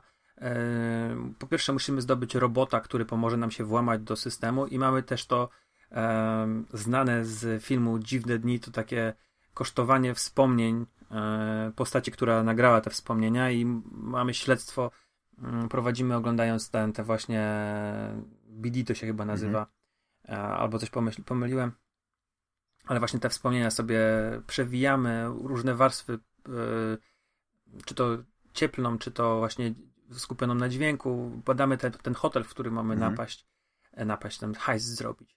I misja, gdzie mamy zdobyć tego robota, może się zupełnie inaczej też potoczyć, bo możemy podejrzewam ją przejść siłowo, tak jak ja, ale też możemy się po prostu skradać albo jakiś szereg tak... innych czynności, że po prostu wyjdziemy z tym robotem i nie mhm. zabijając nikogo. Tam są naprawdę y, też takie, wiesz, y, fluff, jak to nazwałeś, że a to mama dzwoni do twojego partnera, a to idziemy do jego dziewczyny i ty idziesz do osoby, do Reaper Doka, który tam właśnie zmienia ci gałki oczne, a on ze swoją dziewczyną w tym czasie rozmawia, która stawia mu tarota e, która też może tobie postawić. Tarot to jest jakby też taki insight, coś tam może ewentualnie w najbliższej przyszłości mhm. dziać w głównym wątku, tak mi się wydaje. E, postacie są bardzo sympatyczne. Ten Reaper do którego na początku idziemy, to jest były bokser. On ma jakiś swój charakter, ogląda walkę bokserską w telewizji, rozmawia już można na ten temat. E, to jest super. Nie wiem, jak ta fabuła się będzie rozwijała, bo ona troszeczkę się tak troszeczkę to słowo użyte jest ona jest troszeczkę sztampowa. To znaczy, jak w pewnym momencie domyślamy się, że idziemy na akcję, to ta akcja pewnie się spierdzieli, tak? E, I jak widzimy dwie postaci. No musi być jakiś dramat, bo inaczej się, ta... nie było historii dobrej, nie? No, dlatego na przykład oglądasz, wiesz, te wszystkie programy reality show, na przykład... Ja nie oglądam. No ja wiem, ale ja, ja ostatnio oglądałem takie y, kochaj albo sprzedaj, czy coś w tym stylu, więc są ludzie, którzy na przykład, to taka dygresyjka, że y, albo remontują dom i zostajesz w tym domu i to cię kosztuje, albo, prawda, kupujesz nowy mhm. dom. I zawsze jest tak, że ekipa remontowa mówi, no wiem, że mamy taki budżet, ale zobacz, co się stało. Ale jak to? Miało być tak, tak wiesz, takie sztuczne kłócenie się mhm. i tak mhm. dalej. I zawsze musi być dramat, nawet w takiej historii, która tak naprawdę to jest taki, jak to się mówi, do rany przyłóż i ona ma tak jakby później grzeć serce, że że ci ludzie są tacy zakochani w tym nowym domu i odkrywają na nowo swoją miłość, siebie odkrywają i tak dalej, i tak dalej. Znam Feel ten, good ten movies, nie? Potrzebują dramy. Bo ten, trochę rzeczywiście kiedyś oglądałem o tych, co robili domy w Ameryce dla jakichś takich dotkniętych kataklizmami, nieszczęściami rodzin i tam zawsze był dzień drugi i coś się psuło. Tak, i nagle dach dramat, przecieka. Jak to, nie, jak to nie zrobimy? Musimy zmienić im całą instalację. Dokładnie, wiesz, to chcesz mi powiedzieć w oczy, ale powiedzieć. To nie jest, ale żeby słuchacze drodzy słuchacze, to nie jest dramat na tym poziomie w cyberpunku, żebyście mieli obraz, bo zaczął tutaj Damian z dygresją wyjeżdżać i ktoś może pomyśleć, że tutaj takie sztuczne e, coś... Nie, coś, typowo filmowy, tak, tak, że wiesz. Ale historia jest właśnie typowo filmowa i możemy się spodziewać pewnych mhm. pewnych mm, rozwiązań, tak. które znamy już z popkultury. Natomiast i tak niektóre rozwiązania są super. E, Pojawia się Trauma Team? Gdyby... Spoilers? pojawia się Trauma yeah. Team, to jest ta, to, ta misja, którą znamy e, z tej pierwszej zapowiedzi, mm. która była ten krótki gameplay. To też jest fajna akcja, gdzie wchodzimy, tam musimy gołą, gołą dziewczynę z wanny wyciągnąć i dać mm, dać ją, ta, przejąć, to trauma tak, ją przejmuje, tak. tak. Położyć ją na betonie. Jesteśmy tam potraktowani z buta trochę. E, ale. Ja wiem, mm, Trauma Team, w ogóle to jest świetny, wszystkie... świetny klimat. I nie wiem, czy wiesz, ale jest komiks e, taki. E, tak, wiem. I, i, i, znaczy on nie jest jakiś najwyższych lotów. Ja tam czytałem tylko dwa, dwa zeszyty. Tam one chyba jakoś tak wychodzą, e, jak to zwykle zeszyty w Ameryce i w Europie tam po kilka kartek na, na tydzień. Ale jest klimat i mi się bardzo podobał właśnie traumat i w ogóle ta idea tego, że jak masz po prostu pieniądze, takie ubezpieczenie, to są goście, którzy tak naprawdę to są takie tacy najemnicy, lekko przeszkoleni. Tak jak kierowca karetki jest właściwie sanitariuszem, ale przeważnie jest świetnym kierowcą po prostu. Tak, mhm. tak tutaj są e, goście, którzy no, są żołnierzami, ale mają właśnie szkolenia jakieś medyczne i, i wyciągają tych pacjentów naprawdę z ciężkich opałów i to, to to właśnie uwielbiam takie rzeczy. I, tak, I Trauma Team jest też takim charakterystycznym elementem cyberpunku, bo ja na przykład Trauma Team nie znam z innych, e, znaczy Trauma Team, takich ek, ekwiwalentów, no nie, że na przykład masz, że bogaci ludzie mogą mieć taki, taką, e, takie ubezpieczenie. A nie wątpię, że na przykład w prawdziwym świecie może by coś takiego się właśnie przyjęło. E, no, kto wie. No, jest prywatna opieka medyczna w Polsce, która... Ma własne helikoptery, tak? Nie, niekoniecznie właśnie, nie, niekoniecznie za tę dodatkową składkę cokolwiek robiła, bo tak samo się pobarkadowali jak ci wszyscy w państwowej służbie tak. zdrowia. E, Zabrali im helikoptery już nie Wracając latają. na chwilę do tego e, świata przedstawionego. Musimy podsumować powoli to... ten, ten cyberpunk. Dobra, już, już kończymy. Że naprawdę coś tam się dzieje, że poli przyjeżdża policja, że e, są jakieś wymiany ognia na ulicy, jakieś napady, to, to jest żyjący świat. Jak się otworzy mapę, to się nam przed nami otwiera właśnie e, dzielnica i tam jest masa rzeczy pozaznaczanych. I kończąc, niektóre rzeczy są jeszcze właśnie niedorobione i mam nadzieję, że one będą mimo wszystko poprawione te gameplayowe rzeczy, bo ja już naprawdę mhm. nie liczę, że ta gra będzie jakoś szalenie ładnie wyglądała na PS4, ale te gameplayowe rzeczy właśnie zostaną naprawione, że nie będę miał e, jakichś takich nieprzyjemnych już e, wiesz questów, tak. które się nie wgrały, bo to ty, wiesz, skupisz ja się po prostu na, na, jestem... na, idei, a nie na, na walce właśnie z jakimiś problemami. Bo wiesz, chciałbym tego świata posmakować trochę, porobić tych zadań dodatkowych i boję się, że yy, coś się popsuje w głównym questie i ja będę zablokowany. Dlatego co jakiś czas robię nowy zapis i nowy zapis. Yy, nie lubię tej myśli, że to się może popsuć. Po prostu ja mogę mieć tą grę, już naprawdę będzie wyglądała brzydko i ona chodzi stabilnie, bardziej właśnie na misjach, gdzie tam trzeba strzelać, chować się, to ona jest bardziej stabilna w tych momentach niż na tej otwartej przestrzeni wielkich mhm. ulic. E, więc o to mi tylko chodzi tak naprawdę, żeby te mhm. gameplayowe rzeczy naprawili, ja ją sobie na pewno na PS4 skończę i później ogram jako no. mężczyzna cyberpunk już na PS5. Oczywiście. A, ale teraz Może słuchacze, którzy jeszcze się wstrzymali e, i nie kupili, ja naprawdę, te, tak jak Damian zrobił, że się wstrzymał, nie chce być early adapterem, ja tak. polecam wam trochę się wstrzymać. Ale do, do, e... do w ogóle do samej gry ja bym właśnie jeszcze chciał tak wrócić, może kiedyś zrobimy taki spoiler cast I, Jasne. i, i porozmawiamy właśnie o tylko i wyłącznie o, o, o, historii, o fabule. Być może oczywiście odniesiemy się do, znowu do tego miasta, do, tego, do tej esencji cyberpunka, do tych, tych e, elementów, no nie, bo też mm, o tej grze rozmawiamy godzinę, ale tak mi się wydaje, że moglibyśmy rozmawiać i trzy, bo, bo, bo, bo to, co tam jest, to, co CD Projekt e, Red, e, co oni tam włożyli do tej gry, Myślę, że warto też pogadać o questach, jak to tak, wygląda. Te gangi, te korporacje, to jak ten świat jest mhm. rozbudowany pod tym elementem, wiesz, ta policja, no na, pewno e, jest sporo tego i, i, i no, jeśli, jeśli będziesz miał taką ochotę, to, to Rafale, wrócimy do tematu Jasne, i, zawsze. e, dokończymy, bo A... wiesz, bo ja mam tutaj inną e, grę cyberpunkową właściwie, w którą ja znowu grałem, nie wiem, czy ty e, grałeś. E, Watch. Dogs, e, po polsku Legion, albo Legion. Tak, biblijnie. Biblijnie, tak. Legion. I to jest oczywiście trzecia część e, tej znanej serii. E, ciężko mi powiedzieć, jak ona się y, fabularnie łączy e, z, z poprzednimi częściami, ale oczywiście jest, jest ten DedSec, tylko że tym razem oczywiście akcja dzieje się, znaczy oczywiście, no, nie dla wszystkich to jest oczywiste. akcja dzieje się w Londynie. I, I ten Londyn futurystyczny jest bardzo interesujący, mimo że to jest, to jest taka niedaleka przyszłość. I ta niedaleka przyszłość z jednej strony wydaje się zbyt mocno rozbudowana. Z drugiej strony, no, kto wie, czy na przykład za 10-20 lat, gdyby, gdyby yy, yy, pewien postęp yy, z cyfryzacją pewnych elementów poszedł tak do przodu, to, to było na przykład, nie wiem, chyba, że mi to umknęło, ale nie ma czegoś takiego jak już telefony komórkowe. To już chyba coś jest wbudowane właśnie czy w oczy, czy coś w tym stylu, czy, czy, czy, czy niebo, czy jakieś masz mhm. ślepy, ale nie ma telefonu komórkowego, którym powiedzmy przełączasz te wszystkie rzeczy, jak hakujesz, bo Yy, grałeś w poprzednie części? Pamiętasz poprzednie części Watch Dogs? Pierwszą część grałem jeszcze na PlayStation 3. Mhm. Drugą nie zagrałem. No to jest... I ja nie jestem fanem tej pierwszej części. Wydaje mi się, że druga by się bardziej by podobała.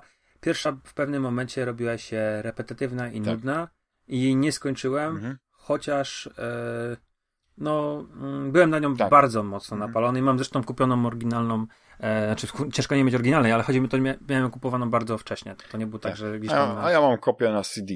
E, ten, a nie, nie, ale tak, Nie wiem, po co, że, czemu że, powiedziałem to oryginalną. Patrzę na to pudełko... Może chciałeś powiedzieć, że Day One jest, wiesz, Day One Edition, nie? Wiesz, nie tam jakaś później do, dodruk. E, ale e, chodzi mi o pewną taką estetykę interfejsu. E, ze względu właśnie na to hakowanie, to mm, znaczy, A to jest Day One, też tak, tak. dobra. To, to, znaczy, oczywiście to nie jest dokładnie samo, ale Y, jakbym miał porównać do czegoś, co być może byłoby bardziej znajome y, naszym y, słuchaczom, Detective Mode w Batmanie, tylko bez tego takiego filtru niebieskiego. Chodzi o to, że wszystko, wszystko ma jakiś taki znacznik, że gdzie spojrzymy i tak dalej, to automatycznie gra jakby wycelowuje, na, na, na, nakierowuje naszą uwagę znacznikiem, tak? Jakby łączy nas z tym.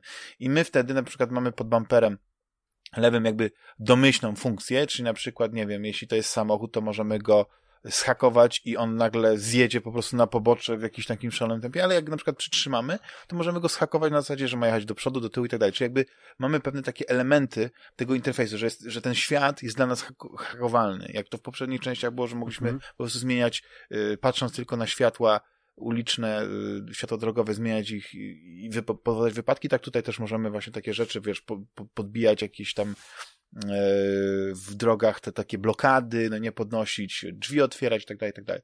No ale główną ideą właśnie y, jest, jest, jest ten, e, jest ten cyberpunk, ten, te, ta, e, ta rewolucja, bo DedSec buntuje się przeciwko i ja już nie pamiętam, bo jeśli chodzi o w ogóle gry z otwartym światem, to coraz mniej właśnie w, ta, w grach Ubisoftu, to jest y, o tyle ciekawe, y, coraz mniej myślę o tej fabule. Jakby ta fabuła jest dla mnie tylko takim dodatkiem, taką, taką wisienką do, do, do, takiej, do, do, do, do tego tortu, którym jest sama rozgrywka. I e, hmm. tutaj mamy po prostu, ileś nie myślisz, właśnie taką chyba złą korporację Albion, która, która jest właśnie tym głównym złym i DedSec to są właśnie ci dobrzy hakerzy, i, i którzy walczą z tym systemem i, i oznaczają swoje miejsce i jednocześnie właśnie ten, ten, ten, ten główny element na pewno, który, na który, który widziałeś podczas reklam gier, czy tam promocji, czyli jakichś materiałów informacyjnych, to jest to, że my cały czas do tego DCEK-u możemy rekrutować. Właściwie możemy rekrutować każdego. I gra w jakimś stopniu fabularnie, e, jakby w sposób takiego tutorialu trochę, nie? Kilka mhm. osób z góry nam jakby podpowiada, które mamy zarekrutować, bo to może być jakiś budowlaniec, który ma umiejętność specjalną przywoływanie dro dronów robotniczych, nie wiem to powiedzieć, takich budowniczych, które po prostu są, to są wielkie, potężne drony, które mogą jak dźwigi podnosić jakieś elementy, Rozumiem. ale jednocześnie my możemy na tego drona wejść i możemy po prostu nim latać jak helikopterem. I w pewnym momencie ja sobie pomyślałem, że to jest świetny e, środek e, transportu, szczególnie jak na przykład chcę się dostać do jakiegoś takiego mocno zabezpieczonego terenu i tak sobie zrobię to desancikiem takim z góry, no nie? Cicho ciemni. I e, oczywiście są właśnie postacie, które są z zewnątrz, czyli na przykład, nie y, mają mundur y, i tak dalej, i tak dalej, wiesz, i możemy wtedy łatwiej infiltrować pewne organizacje, no bo to jest gra, w której tak naprawdę y, od misji do misji bawimy się w, w coś pomiędzy właśnie skradaniem, a, a, a hakowaniem, a rozwijaniem jakichś takich zagadek środowiskowych, platformowych i tak dalej, i tak dalej, bo oprócz tego, że mamy to miasto, które jest y, no, dosyć ciekawe, bo to jest Londyn, ale właśnie taki futurystyczny Londyn. Y, nie jestem na tyle konsek e, nie konsekwentny, e, nie elokwentny też, ale jak to powiedzieć? Ale nie znasz dokładnie. Nie mam takiej tak wiedzy. Dobrze po topografii tak, nie Londyna, mam tak, kon... jeden do jednego. No. Tak, tak, tak. Że nie jestem w stanie powiedzieć, jak, jak to miasto zostało oddane, w jakim stopniu. I oczywiście... A powiedz mi jedną rzecz, mhm. że a propos tej ekipy, którą zbierasz. E, szukałeś Polaków?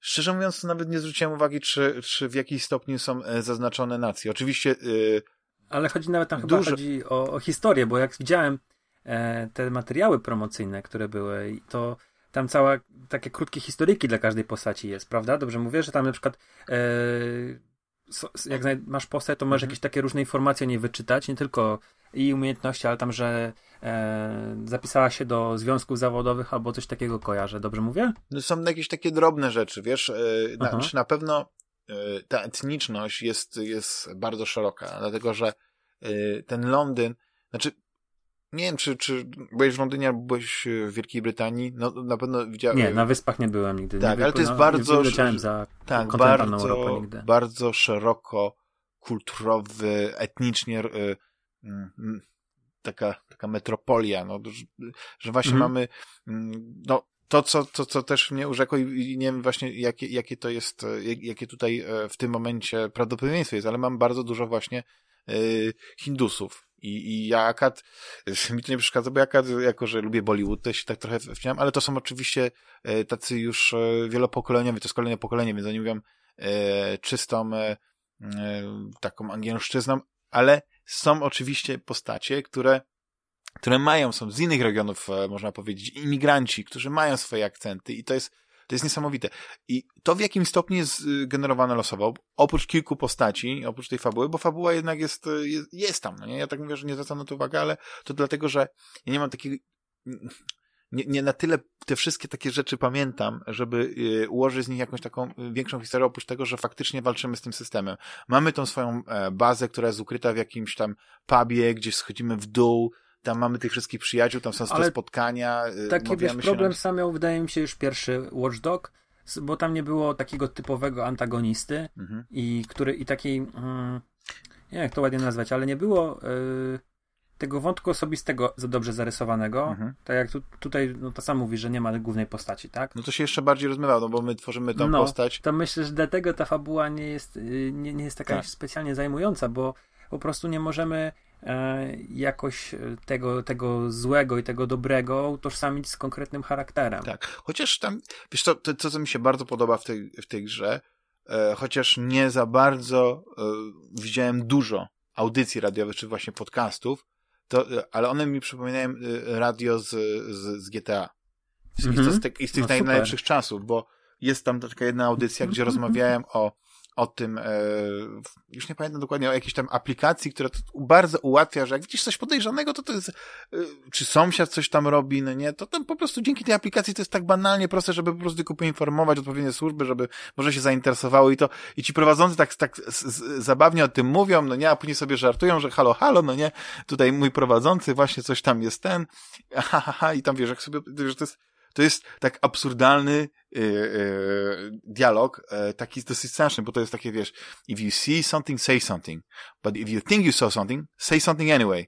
I to wiesz, i coś takiego masz, nie? I to jest, to jest dla mnie, no po prostu kwintesencja tego, tego radia GTA, które było taką parodią pewnych rzeczy, no nie? I, i to się świetnie słucha. Tam jest dużo takich rzeczy związanych oczywiście z, z, z tym lorem tego świata, czyli masz wiele rzeczy wytłumaczonych, bo, bo towarzyszy ci sztuczna inteligencja, chyba Bagli się on nazywa i, i o tym też mówią, że Bagli to jest w ogóle jedno z największych osiągnięć właśnie naukowych, znaczy wynalazków, tak, że to właśnie ten, że, że teraz sobie nikt nie wyobraża ży życia bez takiego bagli. To taki e, inteligentny, w pełni e, sztucznie inteligentny, taki Google Assistant, tak, ale ale w grze to właściwie to, to, to, to nie, no nie widzisz go, ale no, rozmawiasz się z nim jak z człowiekiem, wiesz, bo on tam ci podpowiada, co masz robić na misjach i tak dalej, i tak dalej, więc to jest, to jest bardzo ciekawe, ale E, to, co mi się właśnie e, no, podoba, no to jest to, to rozbudowanie, chociaż ja jestem trochę przytłoczony e, liczbą tych, tych gadżetów, które możesz mieć i tak naprawdę nie podoba mi się, że nie możesz ich mieć więcej niż kilka, chyba dwie, dwa różne czy trzy różne gadżety, no nie?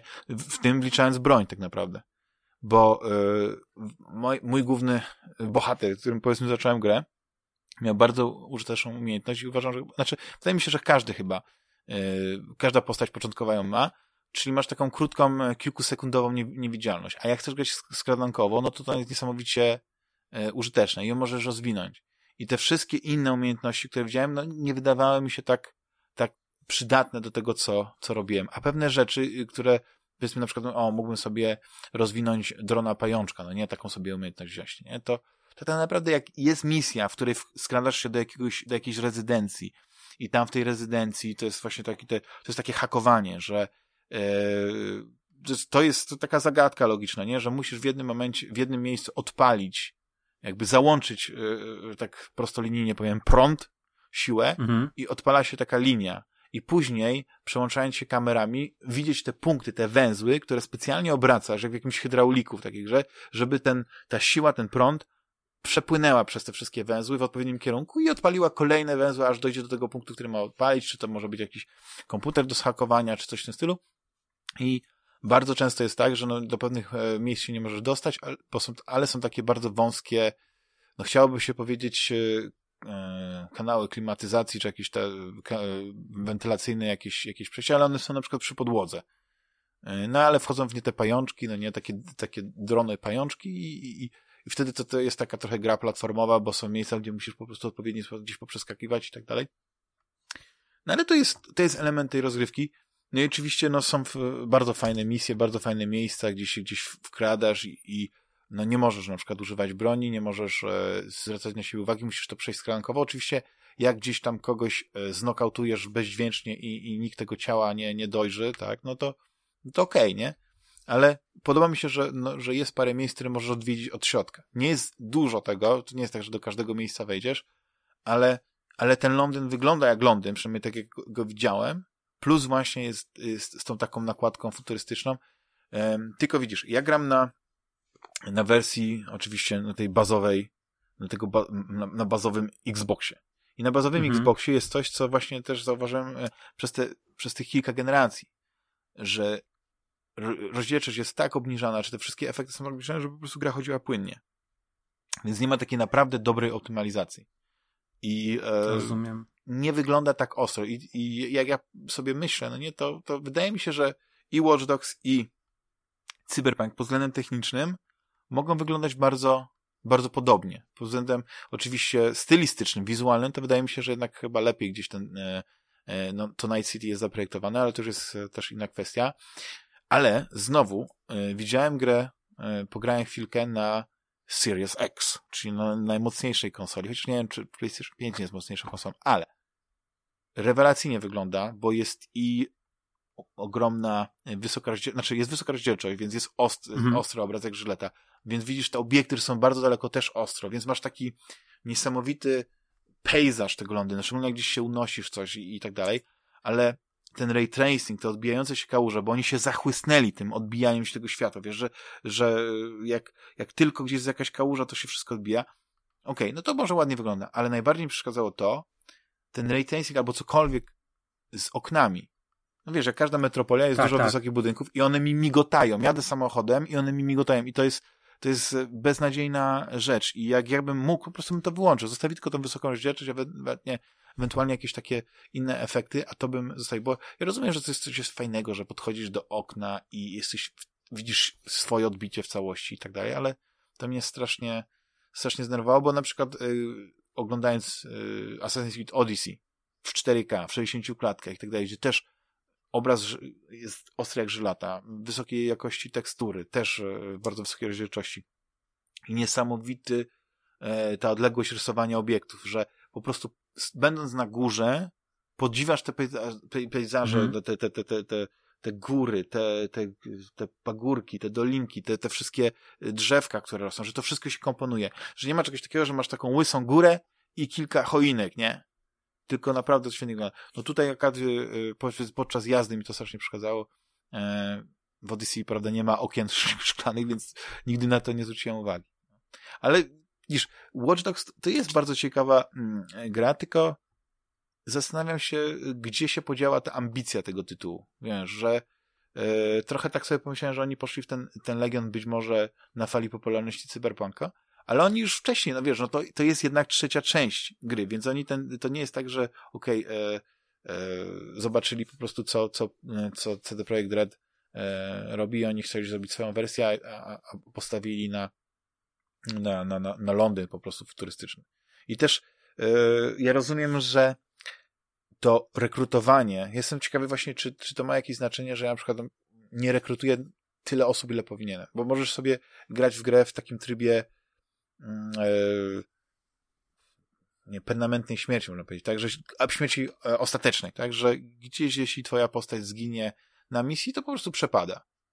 Zwykle jak normalnie... Ale możesz zrekrutować kolejną, rozumiem, tak, i tak. będzie, no to, to, to tak naprawdę tę grę można przegrać? W znaczy... sensie, yy, no załóżmy, że nie udaje ci się misja, giną ci wszyscy twoi zrekrutowani agenci. No widzisz, nie, nie masz game over, jak, to, jak to wygląda, czy, bo ja gram na przykład gram w takim Czy po prostu trybie, rekrutujesz kolejnych? Nie, gram w tym trybie Nie, no musi być jeden, jeden musi chyba przeżyć, tak rozumiem? Pewnie tak, znaczy domyślam się, że gra y, miałaby w jakiś taki element, że skoro wszyscy twoi rekruci by zginęli, to Decek w jakimś tam stopniu no nie powiedział, że okej, okay, dostaliśmy nowego rekruta, który bardzo jest ambitny i chce działać, no nie? Może zacznij od rekrutowania innych, no nie? Dopóki nie, nie odbudujesz sobie tego, tego. Ale z drugiej strony zastanawiam się, czy, czy bo są pewne postacie, które, mm, które właśnie yy, ze względu na te umiejętności, które posiadają, rekrutowałem i, i, i zastanawiam się, czy, czy one są już wygenerowane, czy yy, one są losowe, jeśli chodzi o jej cechy wyglądu i głosu i tak dalej. Bo muszę przyznać, że w pewnym momencie byłem taki zaciekawiony, że, że te głosy są tak świetnie dobrane, że to nie jest, że to nie jest tak, że oni sobie po prostu jakimś generatorem, że mają jakiś syntezator mowy, który może to tak e, wszystko robi, że to wszystko je tak w jakimś stopniu pasuje. Tylko widzisz, większość tych rekrutów, takich, bo możesz sobie rekrutować po prostu każdego, wiesz, że jakby gra nie ogranicza, no każdy ma jakiś tam, jakiś taką powód, bo rekrutacja polega na tym, że zaznaczasz sobie kogoś, jeśli ta osoba jest sympatykiem, yy, znaczy nie jest wrogiem DCEK-u, no to możesz ją zrekrutować. Jeśli jest wrogiem, no to powiedzmy musisz mieć jak, coś, jakąś rozbudowaną tą perswazję, że tak, też jest taka umiejętność, która wtedy pozwala ci na coś takiego. Ale wtedy robisz jakąś taką prostą misję dla nich, no i okej, okay, oni są tutaj. Tylko, że bardzo rzadko oni mają jakieś takie ekstra cechy.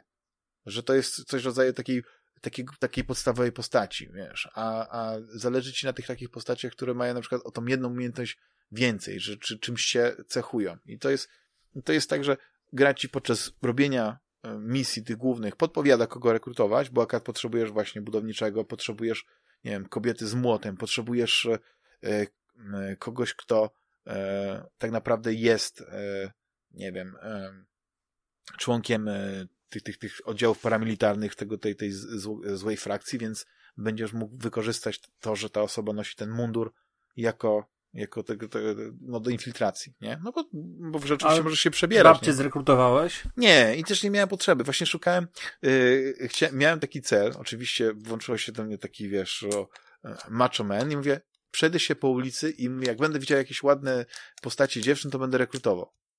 Nie? A seksistą, tak, włączył mi się tryb seksisty. No i ja oczywiście e, nie powiem, że nie byłem, po prostu e, te postacie są tak generowane losowo, że nie było że nie było na przykład takiej, nie wiem, czy to może to jest taka cecha twórców, może taki ukłon, yy, że nie ma takiej seksualizacji tych postaci. Mhm. Czyli zupełnie, wiesz, to, nie, to jest Londyn, to nie jest Kalifornia, więc tam nikt tam bikini Ale ja też zawsze gram, ja, czy ja cię doskonale rozumiem, bo ja zawsze, jak mam możliwość, to wybieram e, granie kobietom.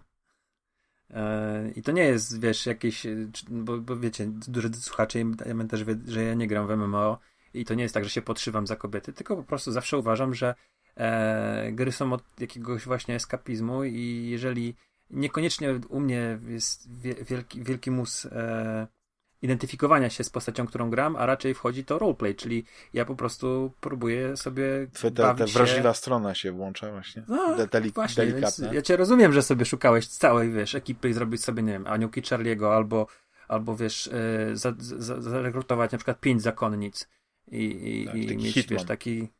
E, Absolution. Ale nie, yy, śmiej się, ale na przykład Dokładnie. w Assassin's Creed Odyssey yy, próbowałem grać, yy, nie jak się nazywa ten wersja męska Kassandry i zupełnie nie czułem tej postaci. Nie odbierając nic aktorowi i tak dalej, ale jakby y, dla mnie główną postacią Odyssey jest, jest Cassandra. Cassandra. I ona jest świetna, w ogóle ta mhm. aktorka jest świetna i ta, ten model tej postaci jest, jest świetnie wykonany, bo mimo ograniczeń, no nie wiesz, nie, nie, nie czujesz, że, że masz tam do czynienia z jakąś taką płaską e, postacią, no nie w sensie, jeśli chodzi o e, mimikę twarzy i tak dalej. Chociaż ma super głos w ogóle, voice acting jest tak, tam, moim tak, zdaniem też tak, na wysokim ten, poziomie. Ten, taki, ten akcent taki, e, no to jest Śródziemnomorski. Tak, dokładnie. Ale jest jeszcze coś takiego w tej postaci, że ona ma naprawdę swoje poczucie humoru, e, takie no nie wiem, jest po prostu bardzo dobrze, dobrą postacią. Mimo, że tam tych questów jakoś e, eksplorujących jej, jej charakter nie ma zbyt wiele, ale e, fajnie reaguje, nie, naprawdę. Też miło wspominam właśnie Odyssey i, i e, gra Cassandrą. Z ponad 100 godzin tam pękło. Ja generalnie, jeśli chodzi o, o zestawienie na przykład dwóch cyberbankowych gier, yy, no nie grałem właśnie w Cyberpunka 2077, ale mogę powiedzieć, że jeśli ktoś ma czas, żeby poczekać, aż naprawią wszystkie błędy i chciałby tak troszeczkę tego takiego cyberpunku yy, yy, to powiedzieć, taki, nie, nie post cyberpunku, ale takiego właśnie cyberpunku e, angielskiego, to, to, e, to warto się e, Legionem zainteresować, bo sama rozgrywka jest w miarę interesująca, tylko, mm, tak mówię, ta fabuła tam jest, są, są, jest mnóstwo, bardzo dużo jest e, znajdziek właśnie takich tekstowych, które ci e, rozbudowują e, lore, są też jakieś chyba nagrania dźwiękowe. No po prostu jest naprawdę sporo rzeczy takich, że jak chcesz się wgłębić, to możesz.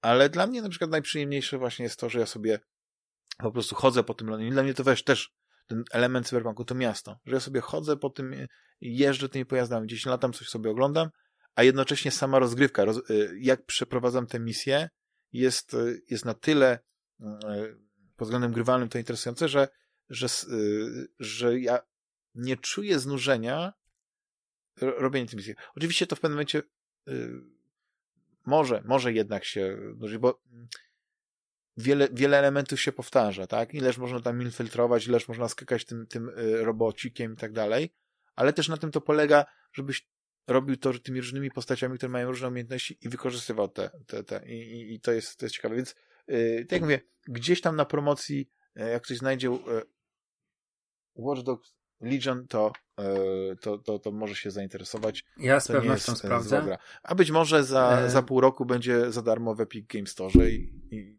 kto wie. Może tak być też. Albo w Game Passie.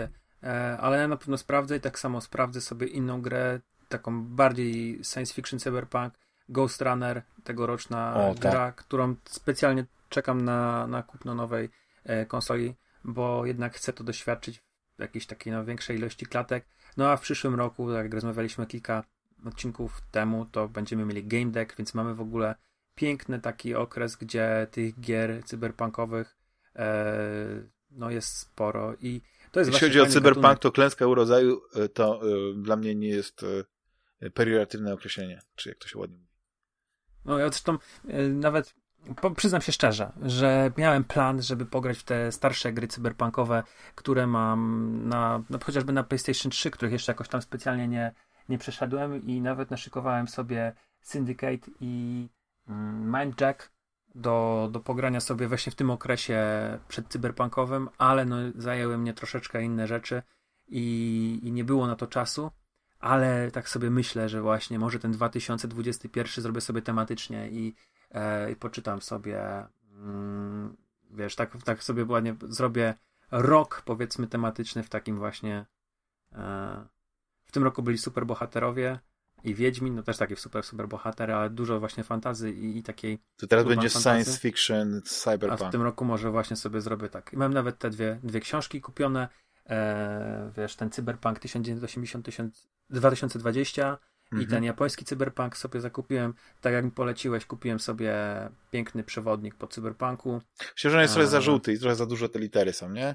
Ja jak teraz y, myślę o tym, zrobiłem taką drugą analizę tego, to mówię... Jest trochę za żółty. Nie, chodzi mi o to, że y, chodzi mi o to, że ja bym w ogóle, moim zdaniem, nie popisali się, że on jest trochę za, za jakby, nie, y, że ja bym tam po prostu... Za casualowy jest, Ja bym nie? tam rzucił więcej treści. Naprawdę. Aha. W porównaniu do no, na przykład jest... tego, jak masz lore w podręczniku do, do Cyberpunka, to, to tutaj po prostu wrzucili, znaczy jest fajnie, że tak opisali to wszystkie te, ale zupełnie ta perspektywa tego dziennikarza, jakiś tam hołd złożony tego, to tak wiesz, zupełnie mi to nie pasuje jaka do tego świata i te, te, te wielkie takie literki, to, to, okej, okay, jak chcieli, mogli zrobić mniejszy album, no albo nie wiem, cokolwiek, no nie, po prostu mógłbym tam, ja bym tam rzucił więcej treści, o tak. Nie jestem specjalnie fanem takich albumów, tych, tych takich, jak to się mówi, wiesz, te coffee table, e, że, mhm. że e, masz dużo i na przykład wydaje mi się, że poprzedni tych, albo do Wiedźmina, właśnie też ten, ten z, tym, z tym opisem świata, ze świata Wiedźmina,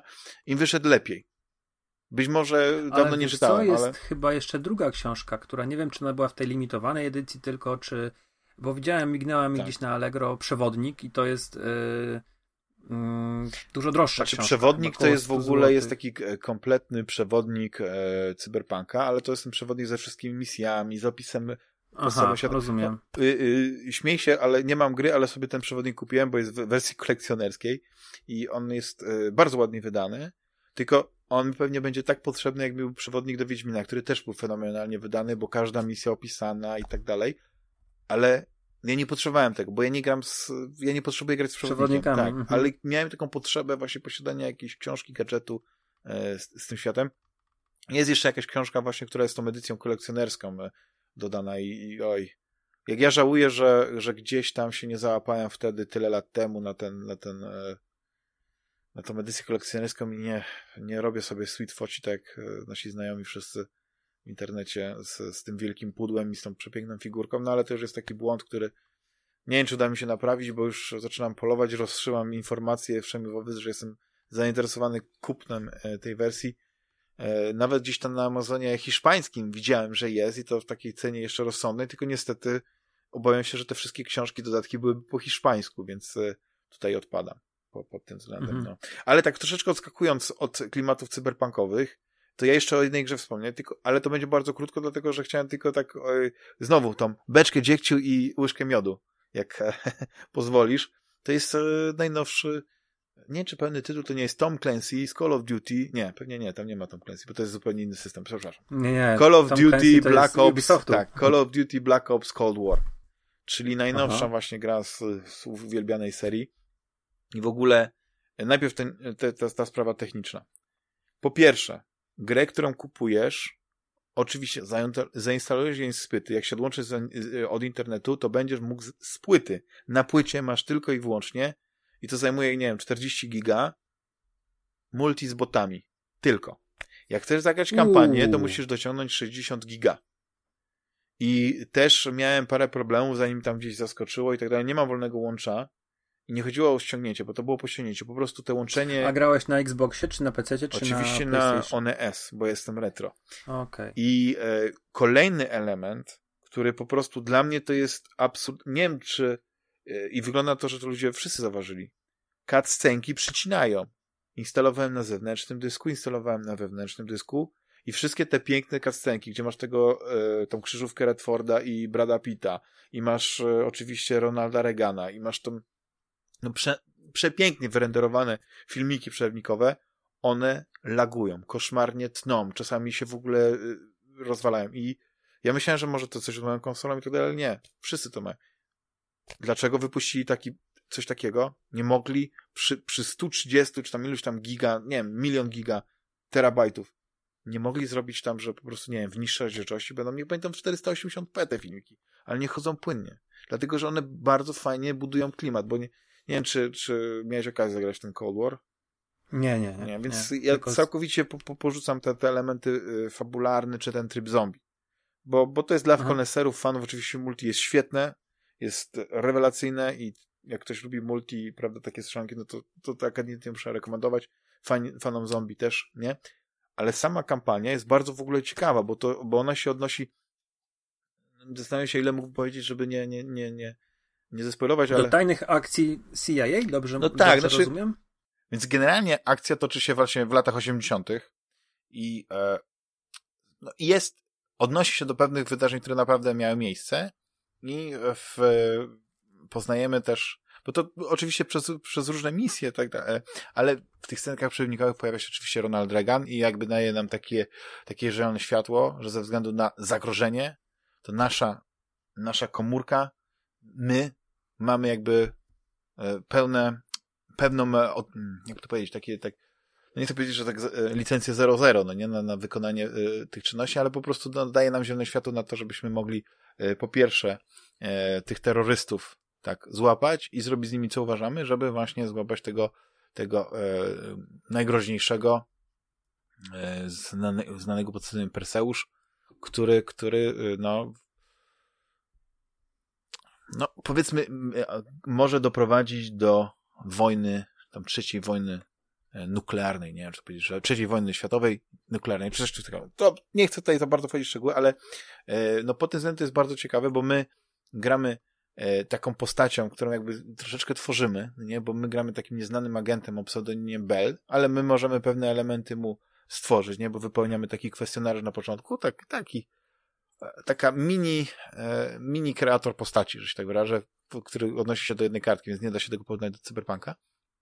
Ale mamy właśnie tą ekipę, z którą ruszamy na miasto i mamy ten taki hub, z którego właśnie e, te, te misje się odbywają. I, i, i ta, ta, ci kompanii są bardzo ciekawe, bo to jest taki, taka drużyna A, że się tak wyrażę, no nie? Bo mhm. jest ten, ten e, Adler, no nie? Główny, um, główny taki przewodzący, jest, jest e, Mason, jest agent Mossadu, jest agentka E, MI6, nie, brytyjska, więc jakby z każdej jakby takiej, z tej, z tej powiedzieć, z NATO, tak mi to jakoś określiły, nie, że ktoś tam zawsze ma swojego reprezentanta i to są najlepsi z najlepszych agentów, no i my tam e, razem z nimi próbujemy ten, ten plot terrorystyczny e, przełamać, znaleźć tych, tych e, agentów.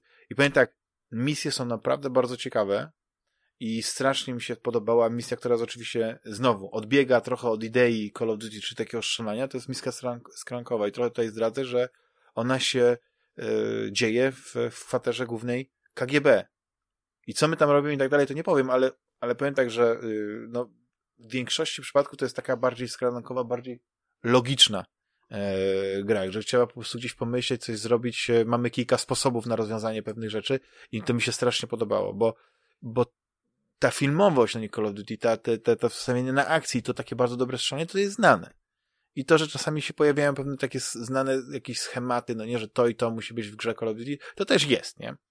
Ale są przyjemne momenty, jak na przykład jest taki, taka jedna misja, gdzie e, przechodzimy e, przez salon gier. I na tym salonie gier są stare automaty, Activision i możemy sobie właśnie zagrać w te wszystkie tytuły typu, typu e, River Ride, czy, czy, czy czy Pitfall i tak dalej, i tak dalej, więc to jest bardzo mogę, sympatyczne. Ma, mogę jedną dygresję zrobić? No. W Cyberpunku mhm. jest też misja, miałem taką krótką misję w salonie Pacinko i tam były też automaty. I był automat z Grom Roach, gdzie grało się taka, wiesz, bardzo prosta pikselowa grafika, gdzie płotka przeskakiwała właśnie po domach i Taka, takie krótkie, krótkie nawiązanie do mhm. trzeciego Wiedźmina i już przepraszam. Nie, nie, nie, nie, nie, nie. Ale powiem tak, że pod względem fabularnym Cold War naprawdę mi się podoba, bo yy, ja mam tak, że przeważnie co któraś tam gra z serii Call of Duty jakby trafia w moje gusta. I jakby specjalnie te poprzednie Call of Duty Black Ops yy, jedynka, dwójka, trójka, w czwórkę w ogóle nie grałem, ale ona nie miała kampanii, więc też... Nie miała tak. kampanii. Mhm, więc dokładnie. jakby one niespecjalnie mi się podobały. One, one gdzieś e, wpasowywały się w ten Modern Warfare trochę, bo one niby zaczynały się, te pierwsze Black Ops było bardziej takie tam chyba elementy e, e, lat 60., ja już nie pamiętam dokładnie, gdzie, gdzie był ten teatr działań główny. Tutaj mamy tak, że mamy e, misję gdzieś tam w Wietnamie, jako, jako taki odskok, coś w rodzaju takich flashbacków, no ale mamy też wszystkie takie bardzo współczesne miejscówki i to strzelanie się. Znaczy współczesne jak na lata 80. że tak wyrażę, bo też, żeby nie było, że ten... A i, i gdzieś ta, ta historia właśnie, ta zimnowojenna, bardzo mi się e, spodobała. Szczególnie, że e, jak już ta ostatnia misja, wiesz, ta końcówka, e, no tam są pewne takie elementy, gdzie podejmujemy pewne decyzje i nam jedna decyzja jest kosmetyczna, ale później jest decy są decyzje i pewne zachowania, które wpływają całkowicie na, na zakończenie gry. I można po prostu z, w zupełnie dwa różne światy pójść z zakończeniem. I też jest pewne, znaczy, cokolwiek bym teraz powiedział, to byłby pewien spoiler. I, i yy, powiem tylko tyle, że naprawdę kogoś, to po prostu lubi filmy akcji, takie sensacyjne, właśnie yy, odnosząc się do tego nieszczęsnego Toma Clancy'ego, no nie, no to jest właśnie coś, co by Tom Clancy mógł napisać. Fantastyczna mhm. e, historia. Oczywiście e, ktoś mówi, panie, że to jest takie proste, no nie, jak chcesz coś dobrego, to sobie przeczytać tą, tą, tamtą książkę, no nie, tam są dużo lepsze historie. Okej, okay, ale mówimy o, o pewnym, o, o grze. I e, jak e, niestety te filmy przerwnikowe musiałem sobie oglądać na YouTubie, to mi się nie podobało, ale one naprawdę fajny, fajnie klimat wprowadzają. Tam jest taki, e, one cię dobrze nakręcają do tego, do tej atmosfery. One oczywiście trochę prze, przebarwiają to, wiesz, że, że to tak, może nie wszystko tak do końca wyglądało, ale one też znowu nie, nie są jakieś przesadnie długie. E, tych, tych spotkań tak naprawdę z, z Reganem to chyba jest tylko właśnie jedno na początku, a później to się robi wszystko przez pośredników. I więc, e, jak mówię, no dobra, świetna, to też jest, wiesz, to jest taka fajna... licencja poetyka. Tak, tak, tak, tak, tak, tak, tak. To jest gra, no i to jest jakieś No tak, tam... no, ale ludzie są strasznie obrażeni, że tam jest Regan, bo Regan to jednak był złym prezydentem. Eee, eee... No tak, no tak słyszałem, ale nieważne, bo to chodzi o to, y, jak wygląda zakończenie, do czego się odnosi i że też pewne rzeczy zależą od tego, czy jesteś niekonformistą czy konformistą. I tyle powiem. I zagrajcie naprawdę, jak ktoś gdzieś tam nie lubi nawet e, e, tego strzelania w Call of Duty i tak dalej, ale lubi intrygujące historie, takie sensacyjne, political fiction, ale nie tylko, to, to bardzo, bardzo e, polecam e, Cold War. I tyle, jeśli chodzi o mnie, bo jeśli chodzi o gry. Ja proponuję tak, żebyśmy, jeśli chcesz, e, drogi Rafale, jeszcze jakąś taką grę do kącika właśnie, w co ostatnio grałeś, dorzucić, a jak nie, to możemy zrobić kącik kulturalny, bo bo też e, kipi, mi się wydaje, jeśli chodzi o... o, o no i jeszcze jest The Video, znaczy The, the Game Awards. To możemy zrobić The Game Awards, co, co na to, żebyśmy... Ale wiesz co, dobra, ale daj mi 5 minut, Muszę, bo ja dobra. zagrałem w taką grę, która Petarda. jest po prostu fantastyczna. E, ona się pojawiła e, bodajże 3 grudnia w Game Passie i w ciemno ją po prostu sobie zainstalowałem. Yes, Your Grace. A to już googluję, jest... a ty mów z graficznie to trochę przypomina no, ten agenta, no naprawdę, Teen Agenta, o może w ten sposób. Aha. Mamy, to jest to bardzo ciekawy symulator królestwa, ale ten symulator to nie jest jakieś tam setki różnych zmiennych e, zasoby kontroli, e, nie wiem, poboru żołnierzy do armii, tylko to jest taki bardziej umowny. Mamy dwa zasoby, żywność i złoto i ludzi, których e, możemy rekrutować do naszej armii oraz zadowolenie mieszkańców i siedząc y, na tronie podejmujemy pewnego rodzaju decyzje, które mm, wpływają na losy mhm. naszych e, poddanych, naszej rodziny, naszych wasali. A, więc tak w takim dużym skrócie jest też kilka plaż, po których możemy się poruszać i jakieś tam różne rozmowy odbywać. Jest to bardziej też gra fabularna, gdzie mamy ten rok życia królestwa i nasze decyzje co mamy trzy córki i czy, czy zwiążemy się z, sojusz, z kim sojuszem. E, mamy trochę jakieś tam zagadki detektywistyczne, bo ktoś zabija e, no, naszego szwagra. Mhm. Nie, dobrze mówię? Tak. Znaczy jak... No nieważne. E, teścia, tak? Naszej, naszej córki. No, wiesz, e... szczerze mówiąc, to e, w tamtych takie mezalianse są, że to mógł być i, i szwagier i teść w tamtych czasach. O, E, I, i, I wiesz co? Jest urocza. Jest to gra, którą, za którą odpowiada cztery osoby, ale dobrze się zorientowałem, z czego chyba troje jest Polakami. ale ich firma jest w Wielkiej Brytanii, Brave at Night. Jeżeli ktoś ma jakieś tam e, lepsze informacje, to bardzo proszę mnie poprawić, ale wydaje mi się, że to jest czwórka Polaków, jeden z Wrocławia i troje osób z Wysp. Z, bo w ogóle to mnie zaciekawiło, że otwierająca piosenka na ekranie tytułowym jest po polsku, a w ogóle herbem naszego królestwa jest bocian, więc tak trochę pasuje do, do Polski, tak. E, I powiem wam szczerze, drodzy słuchacze, że to jedna z najbardziej uroczych, ciekawych historii, w jakie przyszło mi grać, mimo że oprawa graficzna, no to jest e, przypomina gry sprzed 20 lat, to jest to niesamowicie dająca dużo frajdy właśnie mm, trochę właśnie symulująca królestwo, trochę symulująca wybory moralne i, i e, jakieś takie ojcowskie mhm. e, króla. Fajna fabuła, dużo się dzieje, krótka gra, bo to jest e, naprawdę kilka godzin, ale intensywnej, dobrej zabawy mogą, jest tam bardzo dużo różnych rozwiązań, mogą się te wątki pokończyć na przeróżne sposoby. Podejrzewam, że możemy. E, ja, ja, moja, moja rodzina, jako moje królestwo skończyło dosyć szczęśliwie. Natomiast wydaje mi się, że nasze wybory, które wydawałyby się w pewnych momentach dobre, mogą się w tym finale inaczej e, obrócić i, i skończymy Mm, jako wymarła dynastia. E, zresztą ja też nie wszystko dobrze zrobiłem. Nie miałem jakoś wybitnie dobrego zakończenia, ale było, było w miarę szczęśliwe. E, no jest naprawdę trochę też jakiegoś tam, no nie wiem, e, rytuału z wiedźmą, czy jakiś tam wątek mrocznej, ciemnej magii. Jest naprawdę bardzo fajna. Bardzo fajna, polecam. Jest to rzecz, która jest bardzo prosta, ale dająca dużo frajdy. Znaczy to jest w ogóle taka gra, która wydaje mi się, że y, chyba, że wyszła i ten, na telefonach komórkowych by się świetnie sprawdziła. Nie wiem, jak na przykład takie sesje wyglądają, na przykład, czy w 15 minut można podjąć kilka decyzji, e, na przykład jadąc autobusem. Wydaje mi się, że kilka, kilka dni można w ciągu jednego e, posiedzenia przejść i z tego, co patrzyłem sobie przed nagraniem, wyszła na Mac OS, ale nie wiem, czy to jest kwestia właśnie komórki, czy to jest bardziej e, mhm. tylko stacjonarnych Maców, bo, bo, przepraszam, nie znam się na tym. No ja. Ale jest na Nintendo, na Xboxie, no i na PC-tach na pewno też jest. E, nie ma tego na PlayStation, ale jest w Game Passie w tym momencie, można skorzystać, sprawdzić. No. Super, super rzecz. No.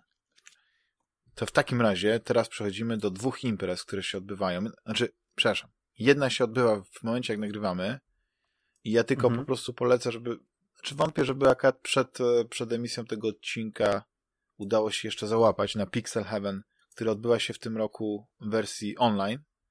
I jest on na takiej zasadzie, że po prostu pewne programy, pewne prelekcje, które miały być robione właśnie na tej dużej scenie, e, są robione w, w właśnie streamowane i są jakieś takie ciekawe panele, rozmowy i, i i powiem tak, darmowe są bilety, wystarczy się zarejestrować i, i ma się link. Oczywiście to później wszystko będzie pewnie na YouTubie do obejrzenia osobno, więc y, Pixel Heaven Online w takiej, jakiej Wydaje mi się, że już jest, bo tak jest, od, od wczoraj się zaczął. z, z, z. No wczoraj był loading, ten materiał? dzisiaj były, no, były dokładnie. dwa programy, teraz ostatni, jaki leciał jeszcze przed naszym nagraniem, to była rozmowa z, z, z, e, z Mitchem. Alex właśnie prowadził wywiad z Miczem, czyli redaktorem naczelnym Piotrkiem Mańkowskim Pixela, ale też autorem Wielkiej Księgi Gier i taka bardzo fajna rozmowa, ciekawa, sympatyczna. Mhm.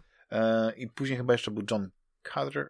W każdym razie jest parę takich ciekawych rzeczy, które w wersji oczywiście na żywo mogły być jeszcze lepsze, ale chwała za to chłopakom, że, że zrobili choćby taką namiastkę e, tego, tego Pixela.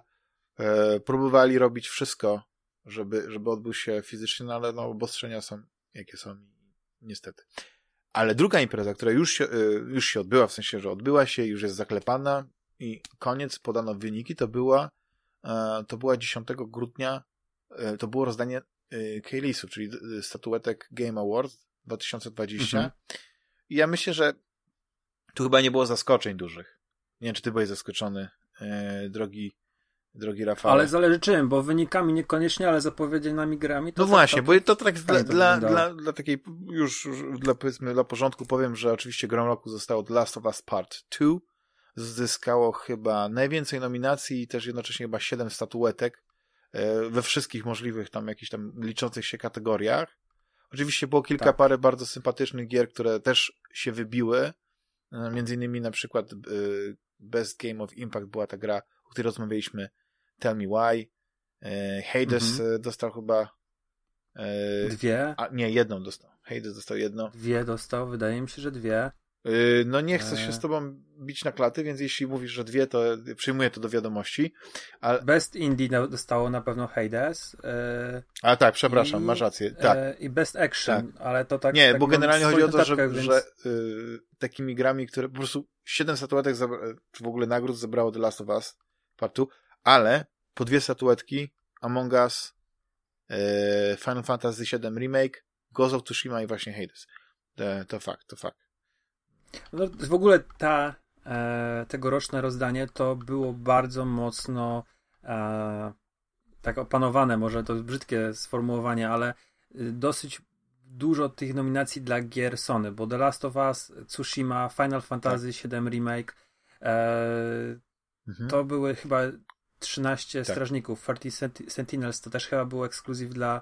Mm, mm, więc zdominowali e, bardzo, jeżeli chodzi o, o i nominacje, i nagrody. Jeff Kenny e, nie był chyba jakoś na biało-czarno ubrany, więc nie miał tych barw takich tej nowej konsoli.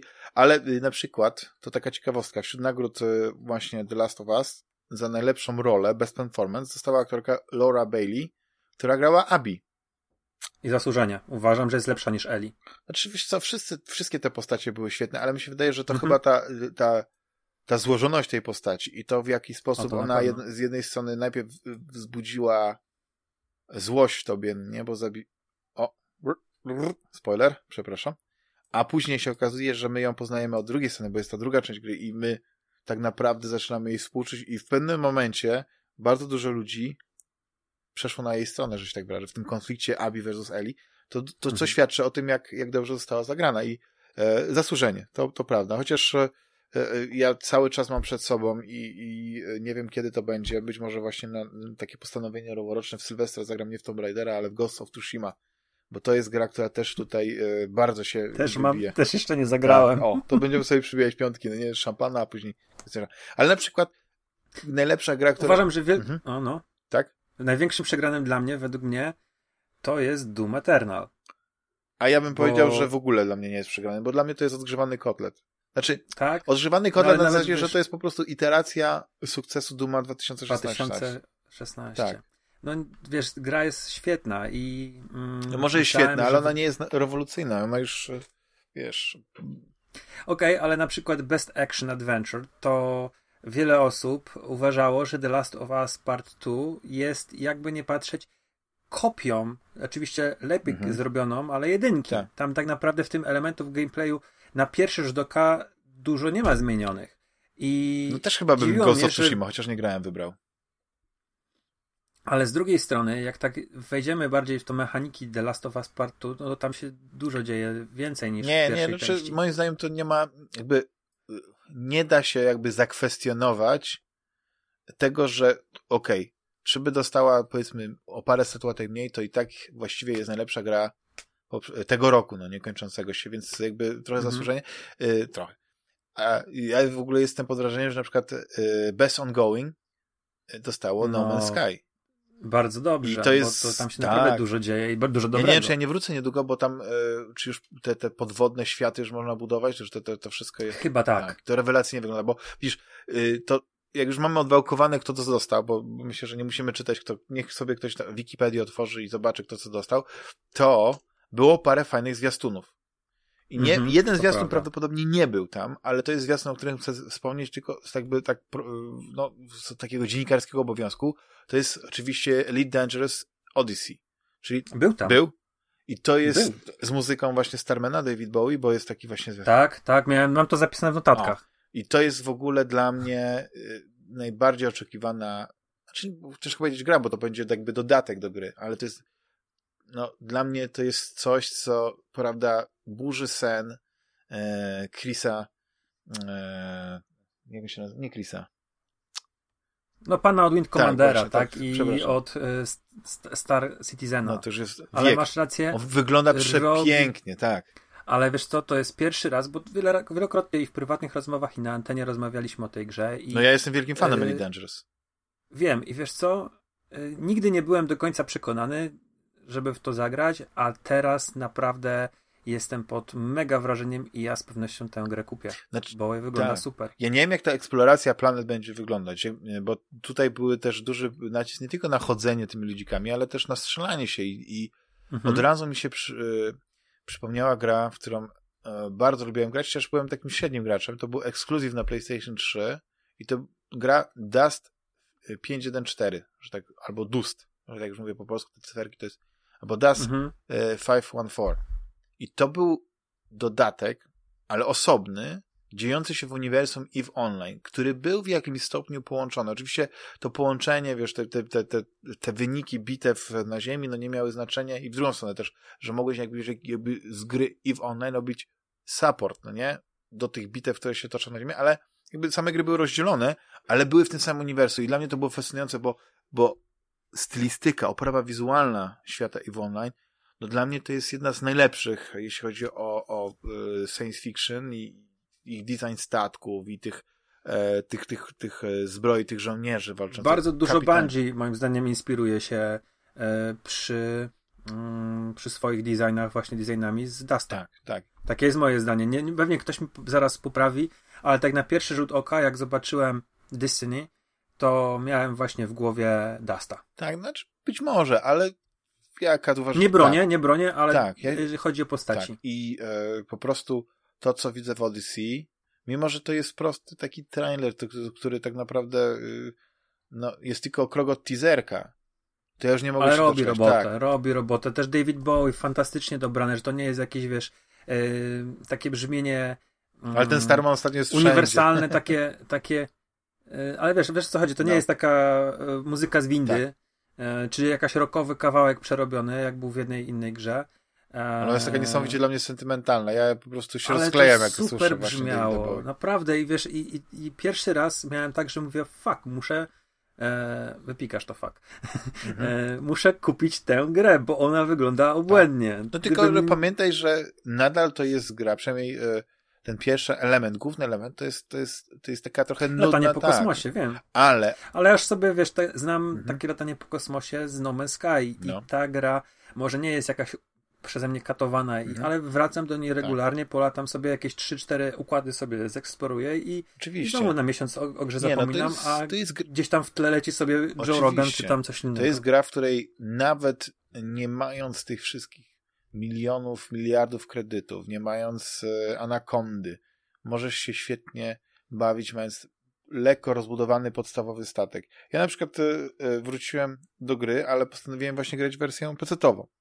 I nie chciało Mhm. mi się na przykład, nie wiem, tam z supportem załatwiać, żeby mi przerzucili, nie wiem, save'a, bo oni prawdopodobnie przerzucają ci tylko ekwiwalent finansowy.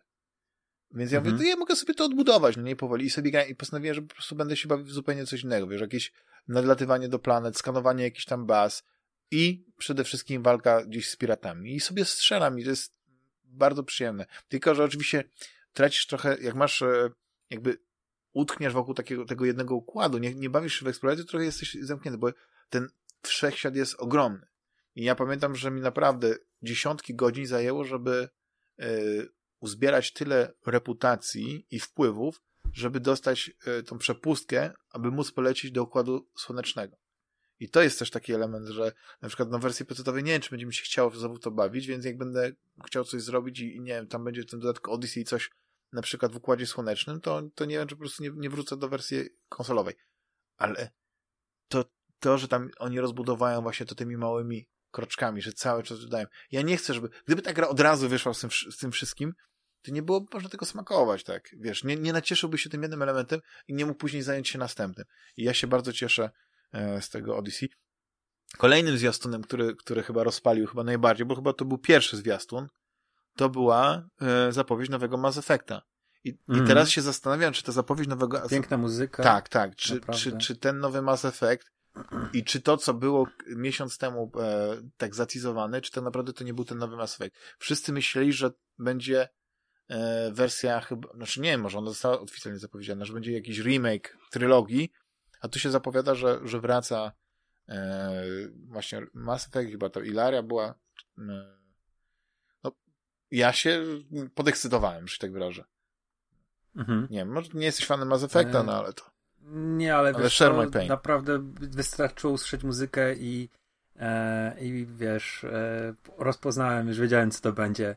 E, więc domyślam się, że ludzie, którzy, fani, Aha. którzy tę grę kochają, musieli naprawdę poczuć dużą ekscytację. No mnie nie zapało, już kiedyś o tym mówiłem, nie zapało mnie, ja y, mam problem z grami BioWare, tak. ale wierzę, że, że mogłeś tak. przeżyć jakieś takie fajne oczar oczarowanie. Mhm. E, co jeszcze ci się spodobało? No to ja powiem tak, że y, jest jeszcze jeden zwiastun, który przykuł moją uwagę, chociaż sama gra, nie wiem, czy będę chciał w nią grać, ale byłem po prostu zaskoczony i chyba od razu wiesz o co chodzi. To była gra Ark. Crimson. Nie, Ark. Ark. Mówię, no co jest no grane, patrzę i wychodzi Vin Diesel. Oczywiście Vin Diesel nie w wersji, w wersji współczesnej nie wersji pitch blackowej, to jest sprzed 20 lat, gdzie był bardziej taki smukły i, i enigmatyczny. Nie, Tylko to już jest ten taki Dominik Toretto, właśnie taki już lekko taki zaokrąglony na twarzy, tak, tak. Będą szybkie samochody, właśnie Flintstoni będą tam jeździć i tak dalej. Ale widzisz, ja bardzo Vin Diesla lubię, chociaż on się tam pożarł z Dorokiem i ten Dorok się o nim wypowiada, że to jest taka trochę primadonna, ale mi się wydaje, że chyba w drugą stronę, że to, to Rok jest bardziej primadonna, ale to już nie chcę tutaj y, między chłopakami konfliktów nowych rodzinnych. The Rock to jest maszynka do robienia pieniędzy tak naprawdę, nie wiemy. Wiesz co, ja straciłem e, troszeczkę do niego, jest... do, do, niego taki sentyment, odkąd e, zacząłem go siedzieć na Instagramie i zobaczyłem, co on rzuca na Instagrama, że nie ma na tym Instagramie nic poza właśnie jakąś tam, wiesz, nawet jak on tam się pokazuje ze swoją mamą, to niby tam ma jakiś powód, ale tak naprawdę to jest, wiesz, e, reklama tej jego tequili. Mhm. I jakoś tam, o mama chciała, i mówi tak, mama chciała opowiedzieć jakąś taką historię. I mamie dosłownie 3, 4, 4 słowa dał powiedzieć i sam tą historię opowiedział. I mówię, no okej, okay, no fajny, sympatyczny gość, trzeba muszę odrzucić tyle.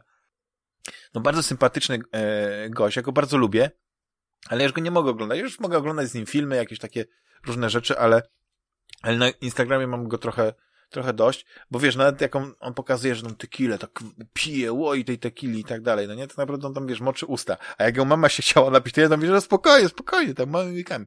No bo by wyszło, że on chyba nie pije tej tequili. Ale wiesz, no to jest, tak jak mówisz, to jest maszynka do robienia pieniędzy, to jest, to jest e, najbardziej chyba e, znaczy dochodowy, dochodowy aktor, aktor tak amerykański, tak, taki, który, który ma najwięcej, ma ponad 200 milionów chyba osób śledzących na Instagramie, ma, ma generalnie wytwórnię, która, która też właśnie cały czas e, tworzy jakieś Jego filmy największe przechody mają. Tam jak wiesz, od kilku lat są te zestawienia, którzy aktorzy najwięcej kasy przynieśli. Jasne, on dużo gra, bo ma co roku jakąś tam komedię i film akcji i jeszcze teraz y, franczyzę mhm. Fast and Furious, ale on olbrzymie przychody przynosi tak. i wszystkim swoim powiedzmy pracodawcom. No nie, no to ale... Jest najbardziej no, no zarabiające. No dokładnie, dokładnie. Tylko, że widzisz właśnie y, kilka ostatnich filmów, na które ja liczyłem, okazało się takim, taką klamą. Nie podobał mi się y, w 50% y, Hobbs Shaw. Naprawdę, nie podobało mi się tam parę rzeczy. No, końcówka już jest w ogóle, wiesz, to już mogliby wyciąć i powiedzieć, że, że się nie wydarzyła, ale okej. Okay. Skyscaper, Skyscaper ja liczyłem na, na, na połączenie płonącego wieżowca i, i szklanej pułapki. Wyszło co wyszło.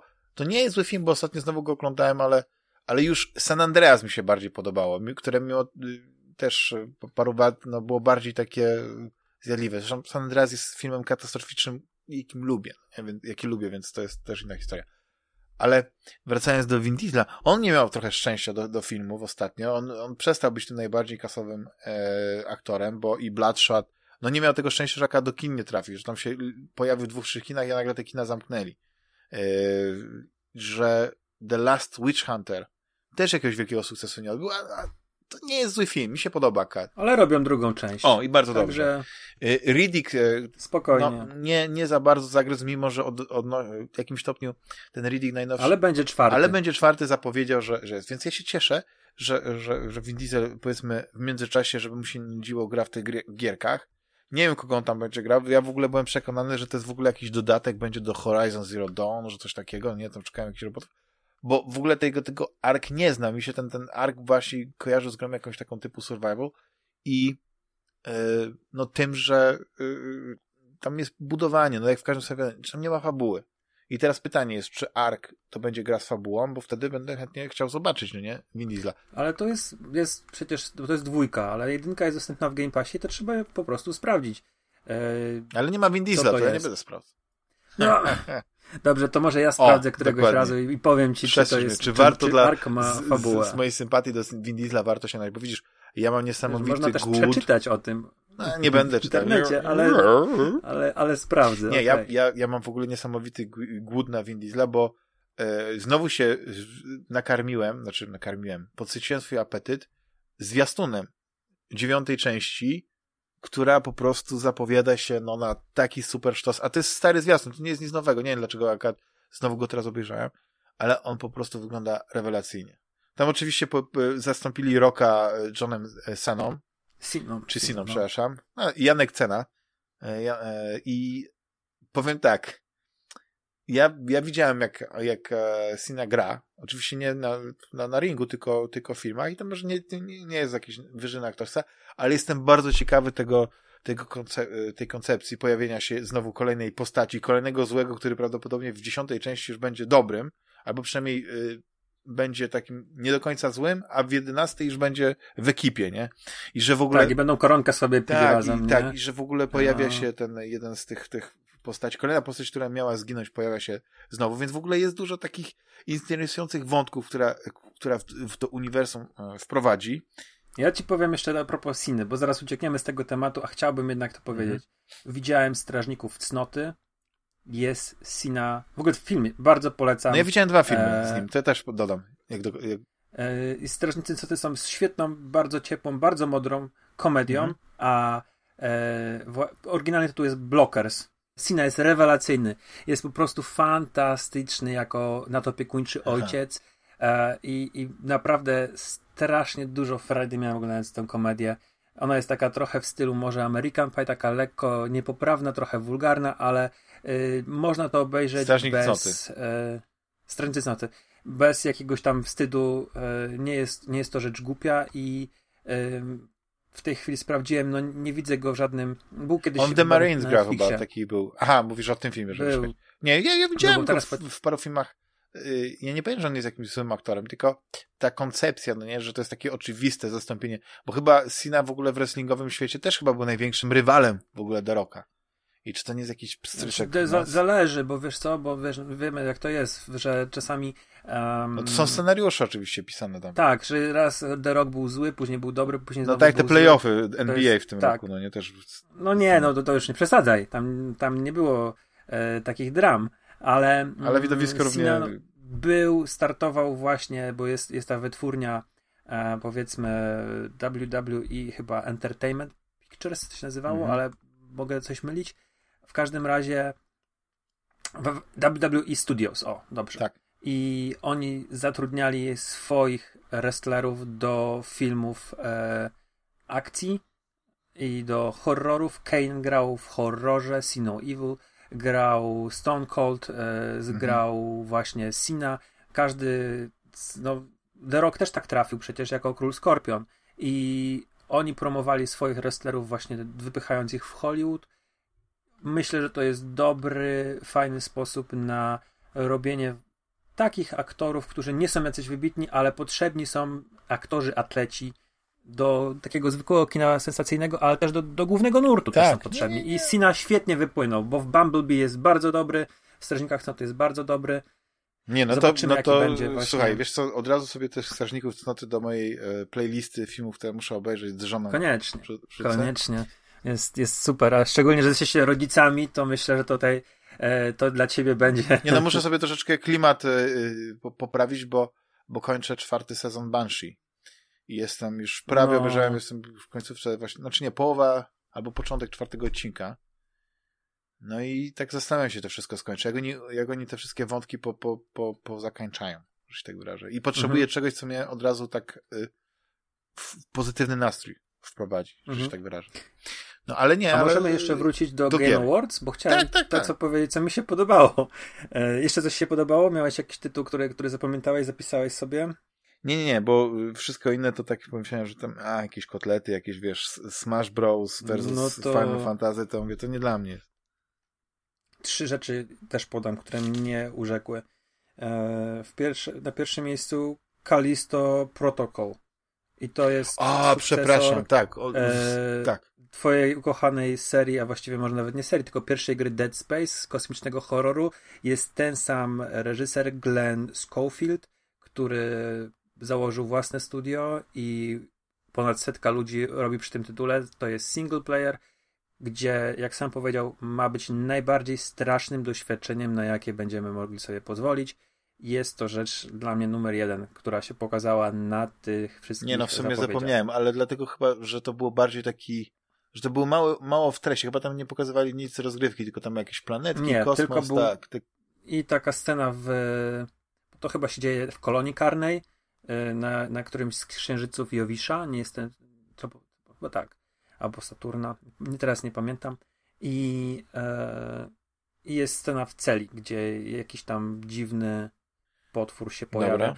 Moim zdaniem to może być naprawdę coś, na co warto czekać, bo oni pokazali mm, nawet w tej trzeciej części, w drugiej, gdzie już tam były pchnięte ten multiplayer i tak dalej, ale pokazali, że nadal potrafili e, tę serię prowadzić i The Callisto Protocol mam, mam zapisane mocnym nie, nie, to tak, to, to zwróciło moją uwagę, ale, ale też tak e, przez to, że po prostu nie było takiego mięsa w tym zwiastunie, to, to, to nie pamiętam. Mhm. Dawaj, następny, następny. Co tam jeszcze cię urzekło? E, zaciekawiła mnie, to jest tak, polska gra, bo były dwie, tak? Był Outlanders od tego, Outriders od e, People Can Fly.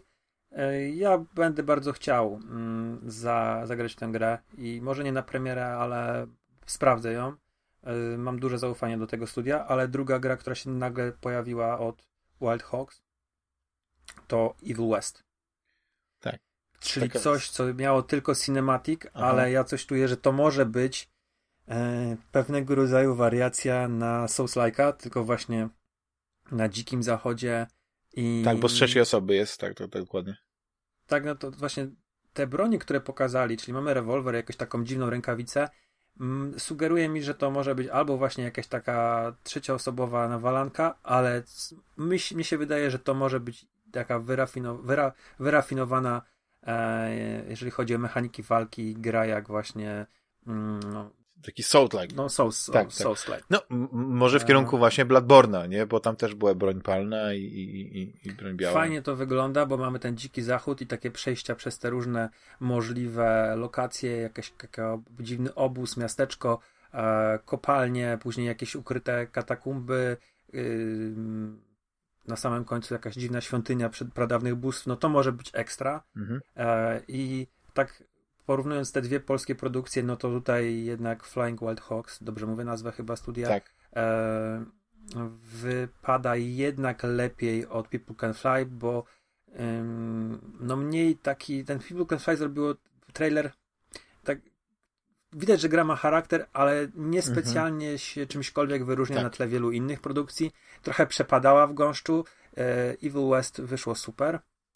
Druga, to była druga rzecz, która zwróciła moją uwagę. Trzecia to było coś, co wyglądało na początku pięknie i na pewno tym tytułem warto się zainteresować. Crimson Desert, gdzie mamy bardzo fotorealistyczną grafikę, znaczy prawie fotorealistyczną, e, ładne postaci i to będzie jakieś fajne fantazy, też e, nastawione na walkę w trzeciej osobie, ale druga część trailera mnie strasznie zmęczyła, bo bardzo był reżyserowany, jeżeli ten, ten gameplay był reżyserowany, tak. ta trzęsąca się kamera, ta masa latającego w powietrzu listowia, pyłków i tak dalej, która miała wprowadzić jakąś taką większą dynamikę, a mnie się wydaje, że tam też może być trochę souls walka, tylko oni chcieli to troszeczkę zakamuflować yy, właśnie bardziej dynamicznym takim montażem tych walk i do tego ta kamera cały czas gdzieś tam się trzęsie, a jeżeli ona jest taka w grze, to no to chyba jednak zrezygnuję, bo nie wyglądało to atrakcyjnie. Mm -hmm.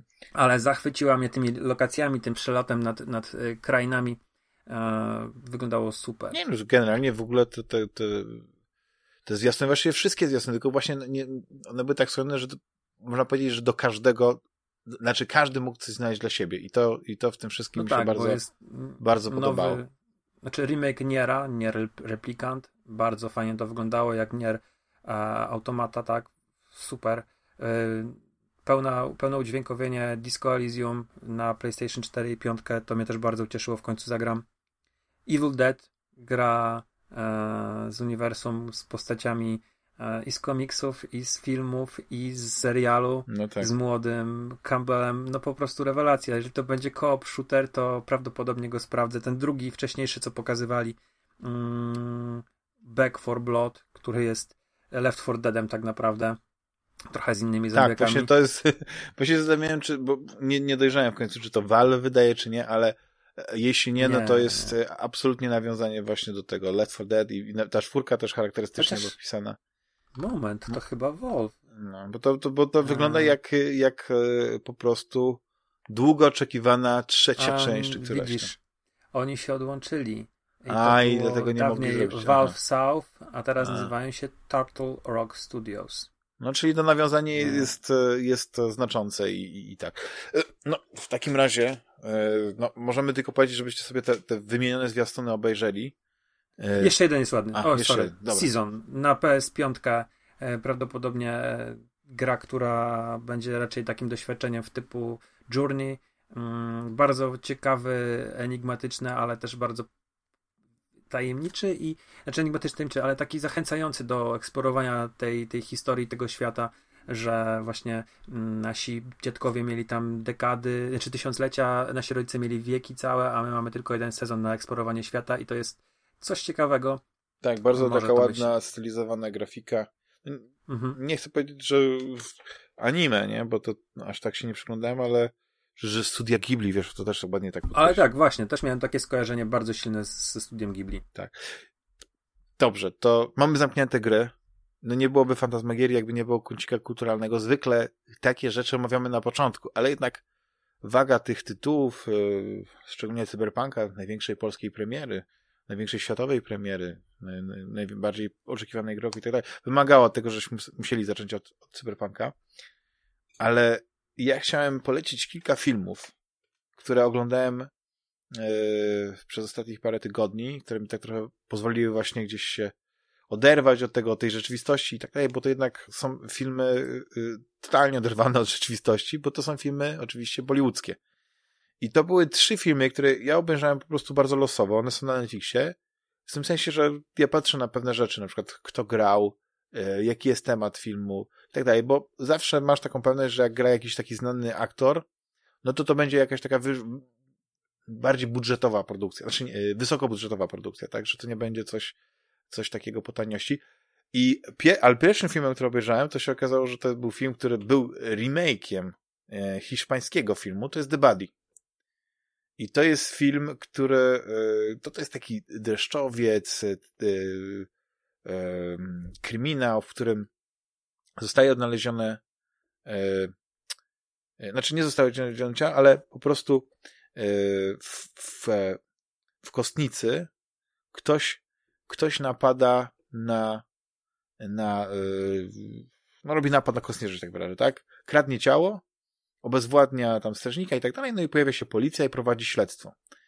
I to jest taki kapitalny film. Oczywiście on ma swoje takie y, momenty, no nie, oczywiście też jest śpiewanie, jest muzyka i tak dalej, mimo że to jest dreszczowiec, ale to jest historia y, zemsty. O, to jest ten wspólny mianownik tych, tych mhm. kilku, trzech filmów. I, i, I, to jest, i ta zemsta, no nie, to jest, to jest bardzo ciekawy wątek, bo, bo tam jest parę takich, jak to się ładnie mówi, plot twistów.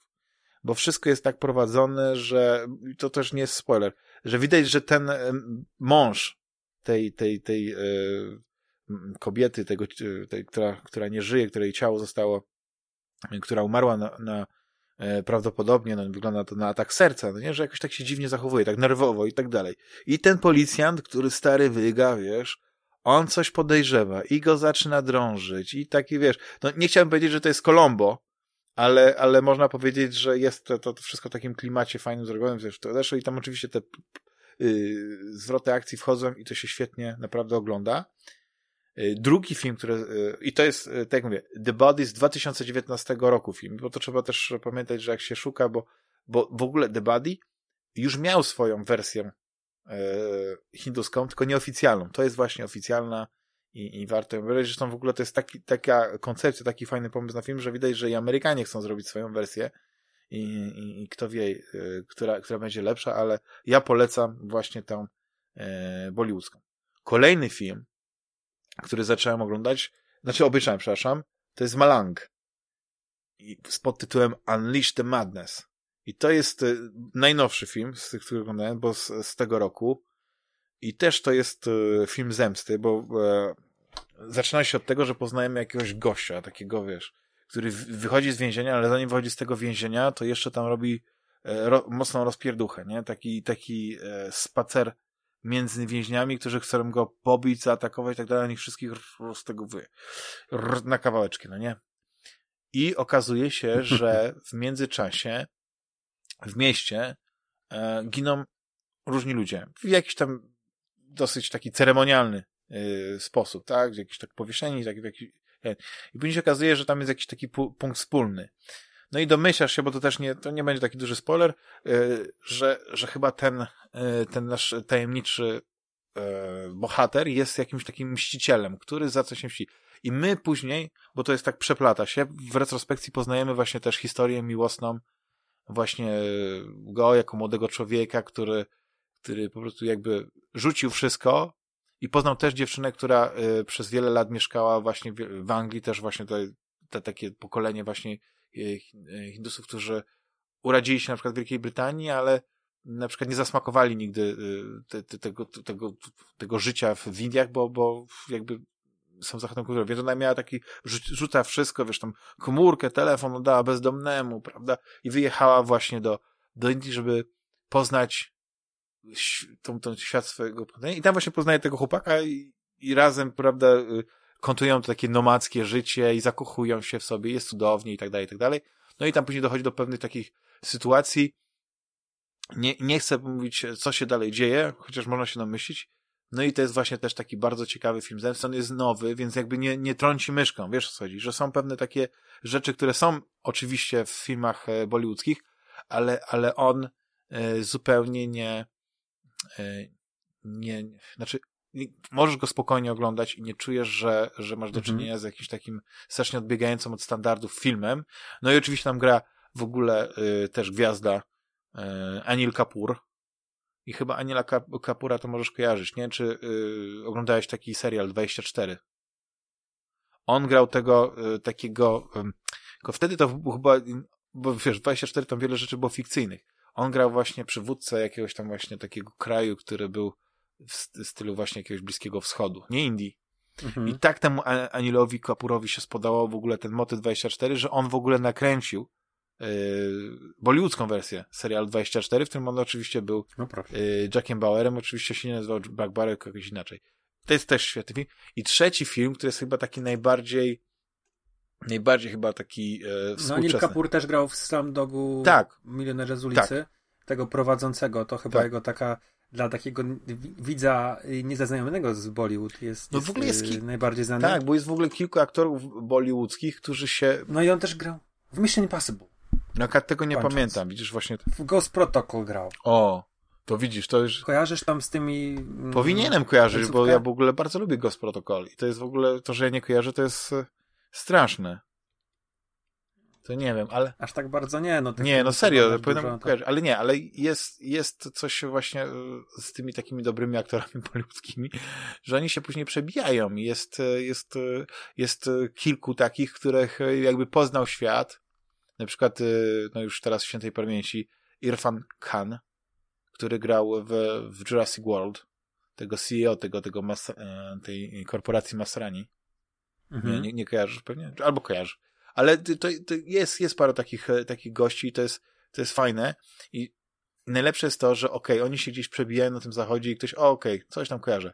Ale w Indiach, w prawie dwumiliardowym kraju, to to są goście to są bogowie, to, to, to, są, to, są, e, to, jest, to są elity elit, to są najbardziej znani aktorzy, wiesz, ja już nie mówię o tych takich najbardziej znanych, jak tak Shahrukh Khan, czy Salman Khan, czy, czy, czy kilku jeszcze innych, no nie, ale, ale w każdym razie w ogóle, no to jest też ciekawe, y, trzeci film, e, który, który oglądałem, to też jest właśnie e, Dreszczowiec. Na początku to myślałem, że w ogóle ma klimat trochę takiego nie wiem, myślałem, że to może jakaś jest inna adaptacja jakiegoś, jakiegoś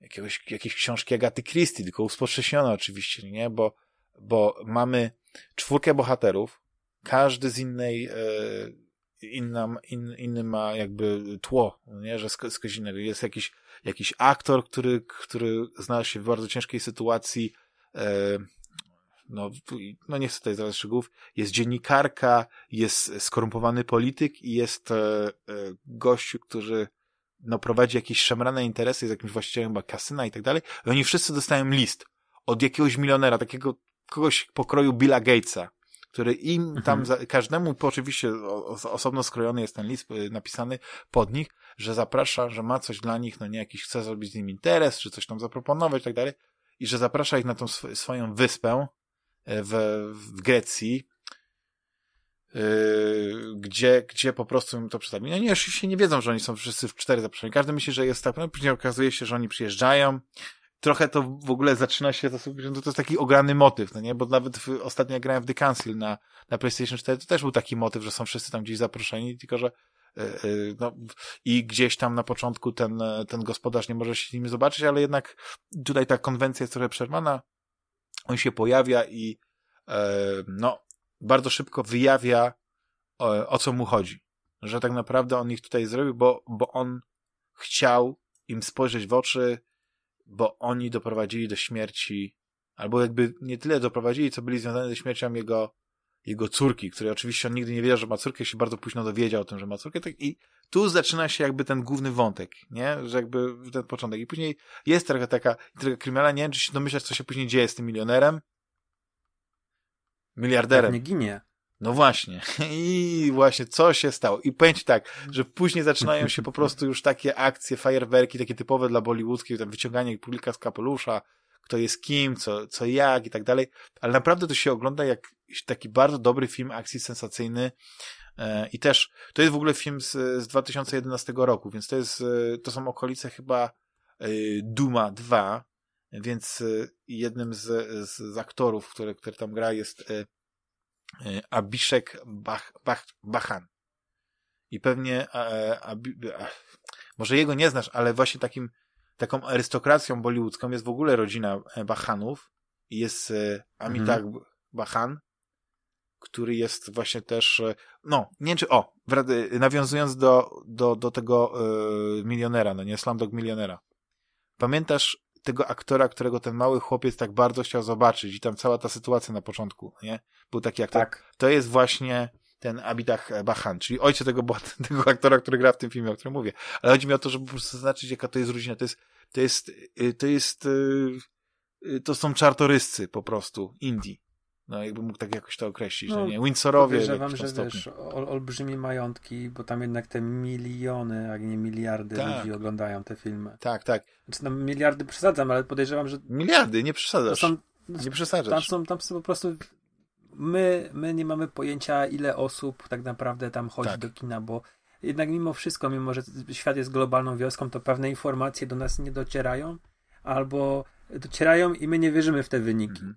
A tam jest tak. to, kino jest, jest tak popularne, jak w Polsce nigdy nie było. Oczywiście. I teraz no, strasznie to mm, uderzyła ta pandemia w, w to kino, ale, ale widać, że nadal, nadal coś się dzieje. Zresztą, yy, Ale wiesz co, widziałem zdjęcia, gdzieś tam takie dosyć zainteresowało mnie to, że oni normalnie kręcą filmy i wszyscy tam występują w maskach i tam jest yy, świat rzeczywisty przedstawiony w filmie. Ale to w jakichś operach e... mydlanych bardziej, wiesz, takich serialach, tak, tak, tak. Bo, bo, w samych filmach to nie wyobrażam sobie, że nadal w filmach nie, nie, nie, nie, nie ma tego, że ludzie myślą, że po prostu nie wrócimy do normalności sprzed covidowej, wiesz, że, że nadal jednak mhm. jest, jest to spojrzenie takie, że okej, okay, e, no, jesteśmy w trudnej sytuacji, ale, okay, ale może masz rację, to były jakieś soap opery, ale widziałem, że tak. normalnie tam grali w maseczkach. I, Ale to też y, ma taki element szła. takiej propagandy, bo jednak e, Indie to, to jest taki dosyć taki e, nie chcę tutaj żadnych oskarżeń rzucać, nie, pod tym względem, ale jednak... Gęsto zaludniony kraj, który rozwija się bardzo prężnie. Tak, tak, tak.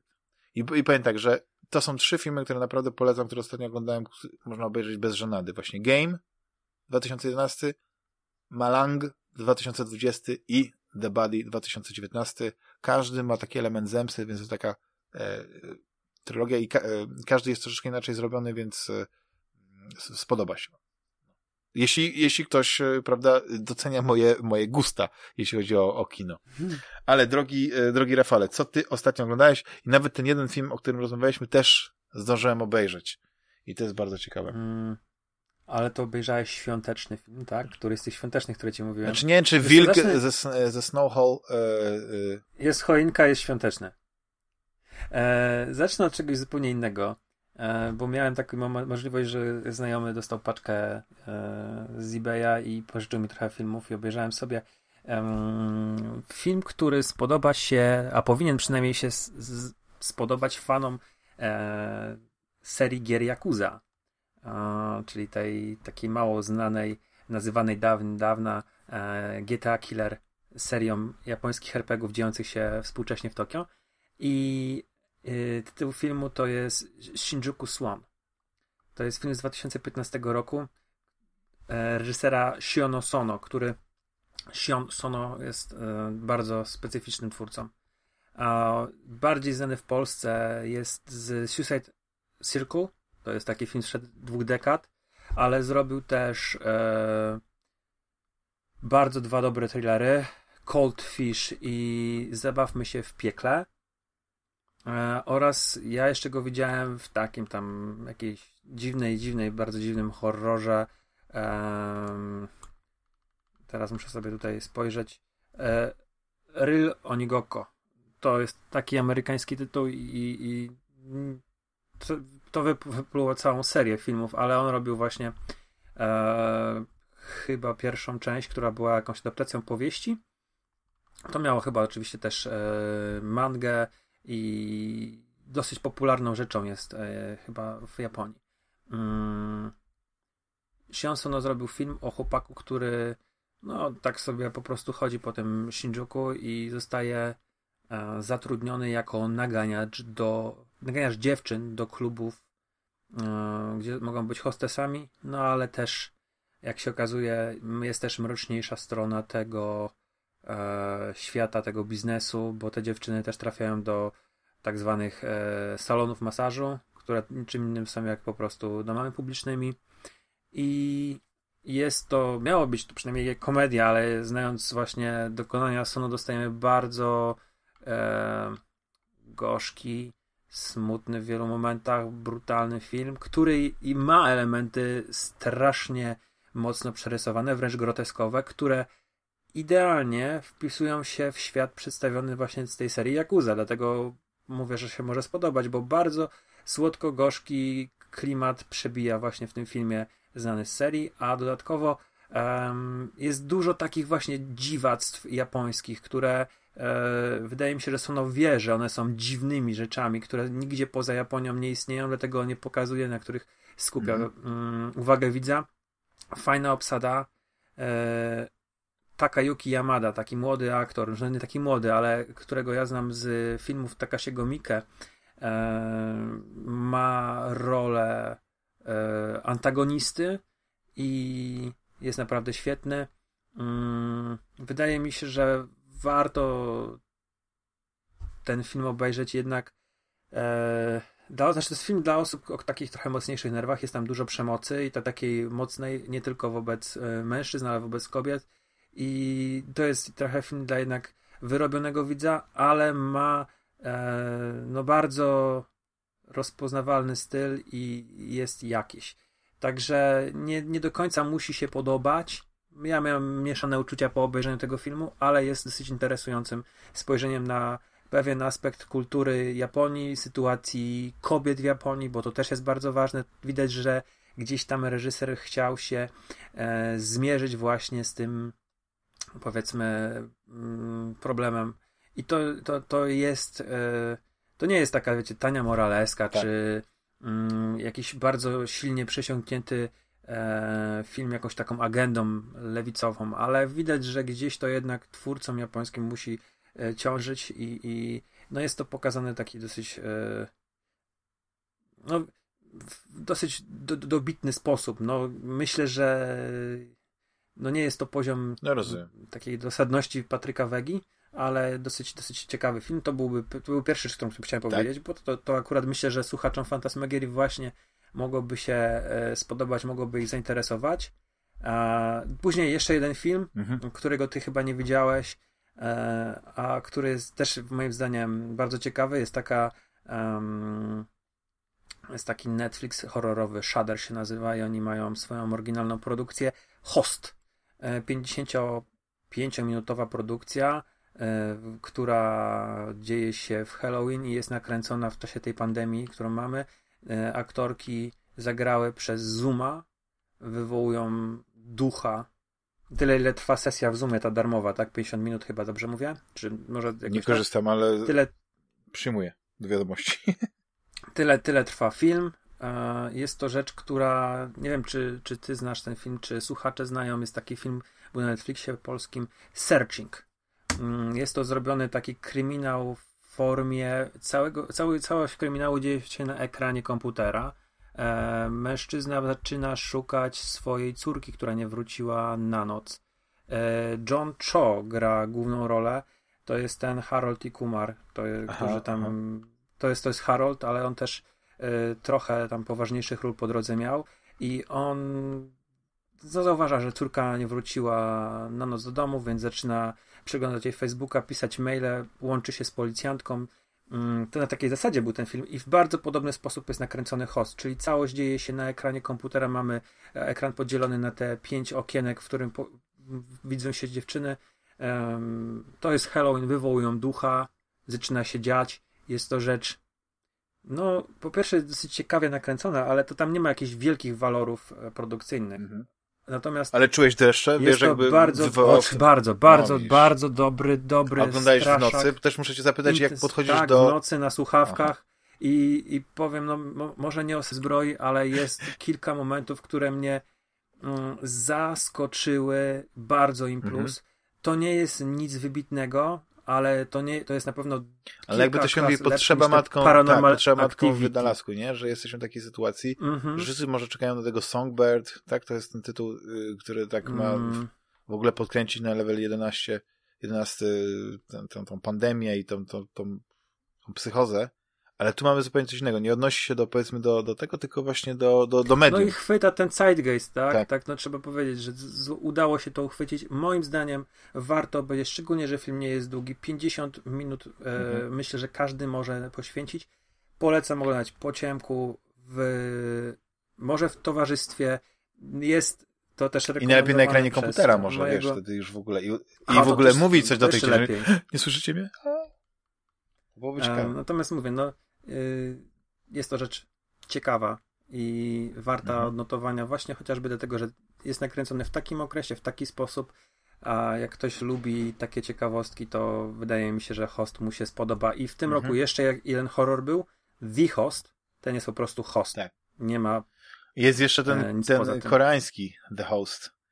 No to to jest Klasyk, to fantastyczny jest film Monster, Monster Movie, który, który tak zaskoczył. Ja w ogóle tak... obejrzałem ten film, ja go miałem w swojej kolekcji moich laserdysków w przeszłości. Aha. Czy przyszłości, ja już zapomniałem to. Nawet mówię. Przyszłości. Przyszłości, tak. Już dawno nie, nie, nie, odbu- nie dodawałem nic do kolekcji. Ale to był film, który trzymałem bardzo długo. Ja już nie pamiętam, gdzie go trafiłem, bo y, ja miałem taki moment, że właśnie kupowałem dużo takich filmów y, kina światowego, ale jak odpaliłem Mhm. go, to w ogóle mnie nie przekonał, wiesz, ta atmosfera. Ale sukces Parasite'a, bo to jest chyba tego samego reżysera, o ile się nie mylę. Tak, To nawet ten oczywiście. sam aktor To gra, jest tylko że bomba, dużo no. młodszy, no nie? Y, Mhm. Mówię, nie no, to muszę się przemóc. I faktycznie to jest bardzo ciekawy film, bo to jest taki monster movie, yy, ale, ale no też jest tam rodzina i też, to, to widać, ten moment, motyw rodziny jest bardzo ważny dla nich. I, i się świetnie go oglądało i tylko, że po prostu trzeba się jakby y, przebić, bo to jest inna, inna wrażliwość, inna stylistyka, bo nie wiesz, czy to jest film komediowy, czy to jest na poważnie, bo tam oni się trochę inaczej zachowują.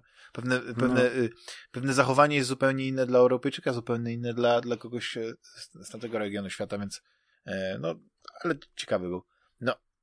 To jak jesteśmy przy Bongu, Mhm. bo no, mamy taką chwilę, okazję, to ja ci polecę i słuchaczom również e, jego jeden z pierwszych filmów Zagadka zbrodnią. W Polsce był wydany na DVD i walał się po kioskach, już naprawdę w takich śmiesznych cenach. On miał niecałe 34 lata, był młodszy ode mnie i nakręcił ten film. To jest jeden z najlepszych kryminałów, thrillerów, dramatów, e, jakie widziałem. E, chyba, o ile dobrze pamiętam, jest to na podstawie prawdziwych wydarzeń, jakie nawiedziły w latach 80. E, Koreę. E, I jeżeli moja rekomendacja nie wystarczy, to Quentin Tarantino umieścił ten film w, w swoim tam jakimś bardzo ścisłym zestawieniu najlepszych filmów obecnej, obecnego no, tego wieku, tak? Czyli tych ostatnich 20 lat bardzo wysoko zagadkę zbrodni po, po, postawił. I to nie jest tak, że wysoko, chyba to nie było numerowane, ale o, wymienił ją i, i zaznaczył, mm, że to jest bardzo fajny film. E, na, jest rzecz rzadko kiedy tak, tak dobrze mm, wyważona, tak dobrze oddająca e, pracę detektywów w jakiejś takiej małomiasteczkowej policji, jednocześnie trzymająca cholernie w napięciu i zrobiona historia, która powiedzmy jest e, na faktach, mhm. ale z taką, wiesz, werwą i z takim dobrym mm, pomysłem na, na, post, na po, po, pokazanie akcji bohaterów, no jest, jest świetny. Także tak. tutaj, tak. jeżeli tego nie widziałeś, poszukaj na Allegro za grosze. Nie no, jak jest na DVD, to ja bardzo chętnie sobie do, do mojej kolekcji e, takie kino dorzucę, bo już do tego reżysera mam przekonanie. To mnie cieszy. No dobra, i co, ten film, który obejrzałeś też po mojej rekomendacji, czyli Fargo z Wilkołakiem, The Wolf of Snow Hollow. Ostatni film e, Roberta Forestera, którego ja tak właśnie mm -hmm. tego obejrzałem. Głównie dlatego, że to był, chciałem zobaczyć, w czym ostatnim on zagrał. E, bardzo ciekawe podejście do.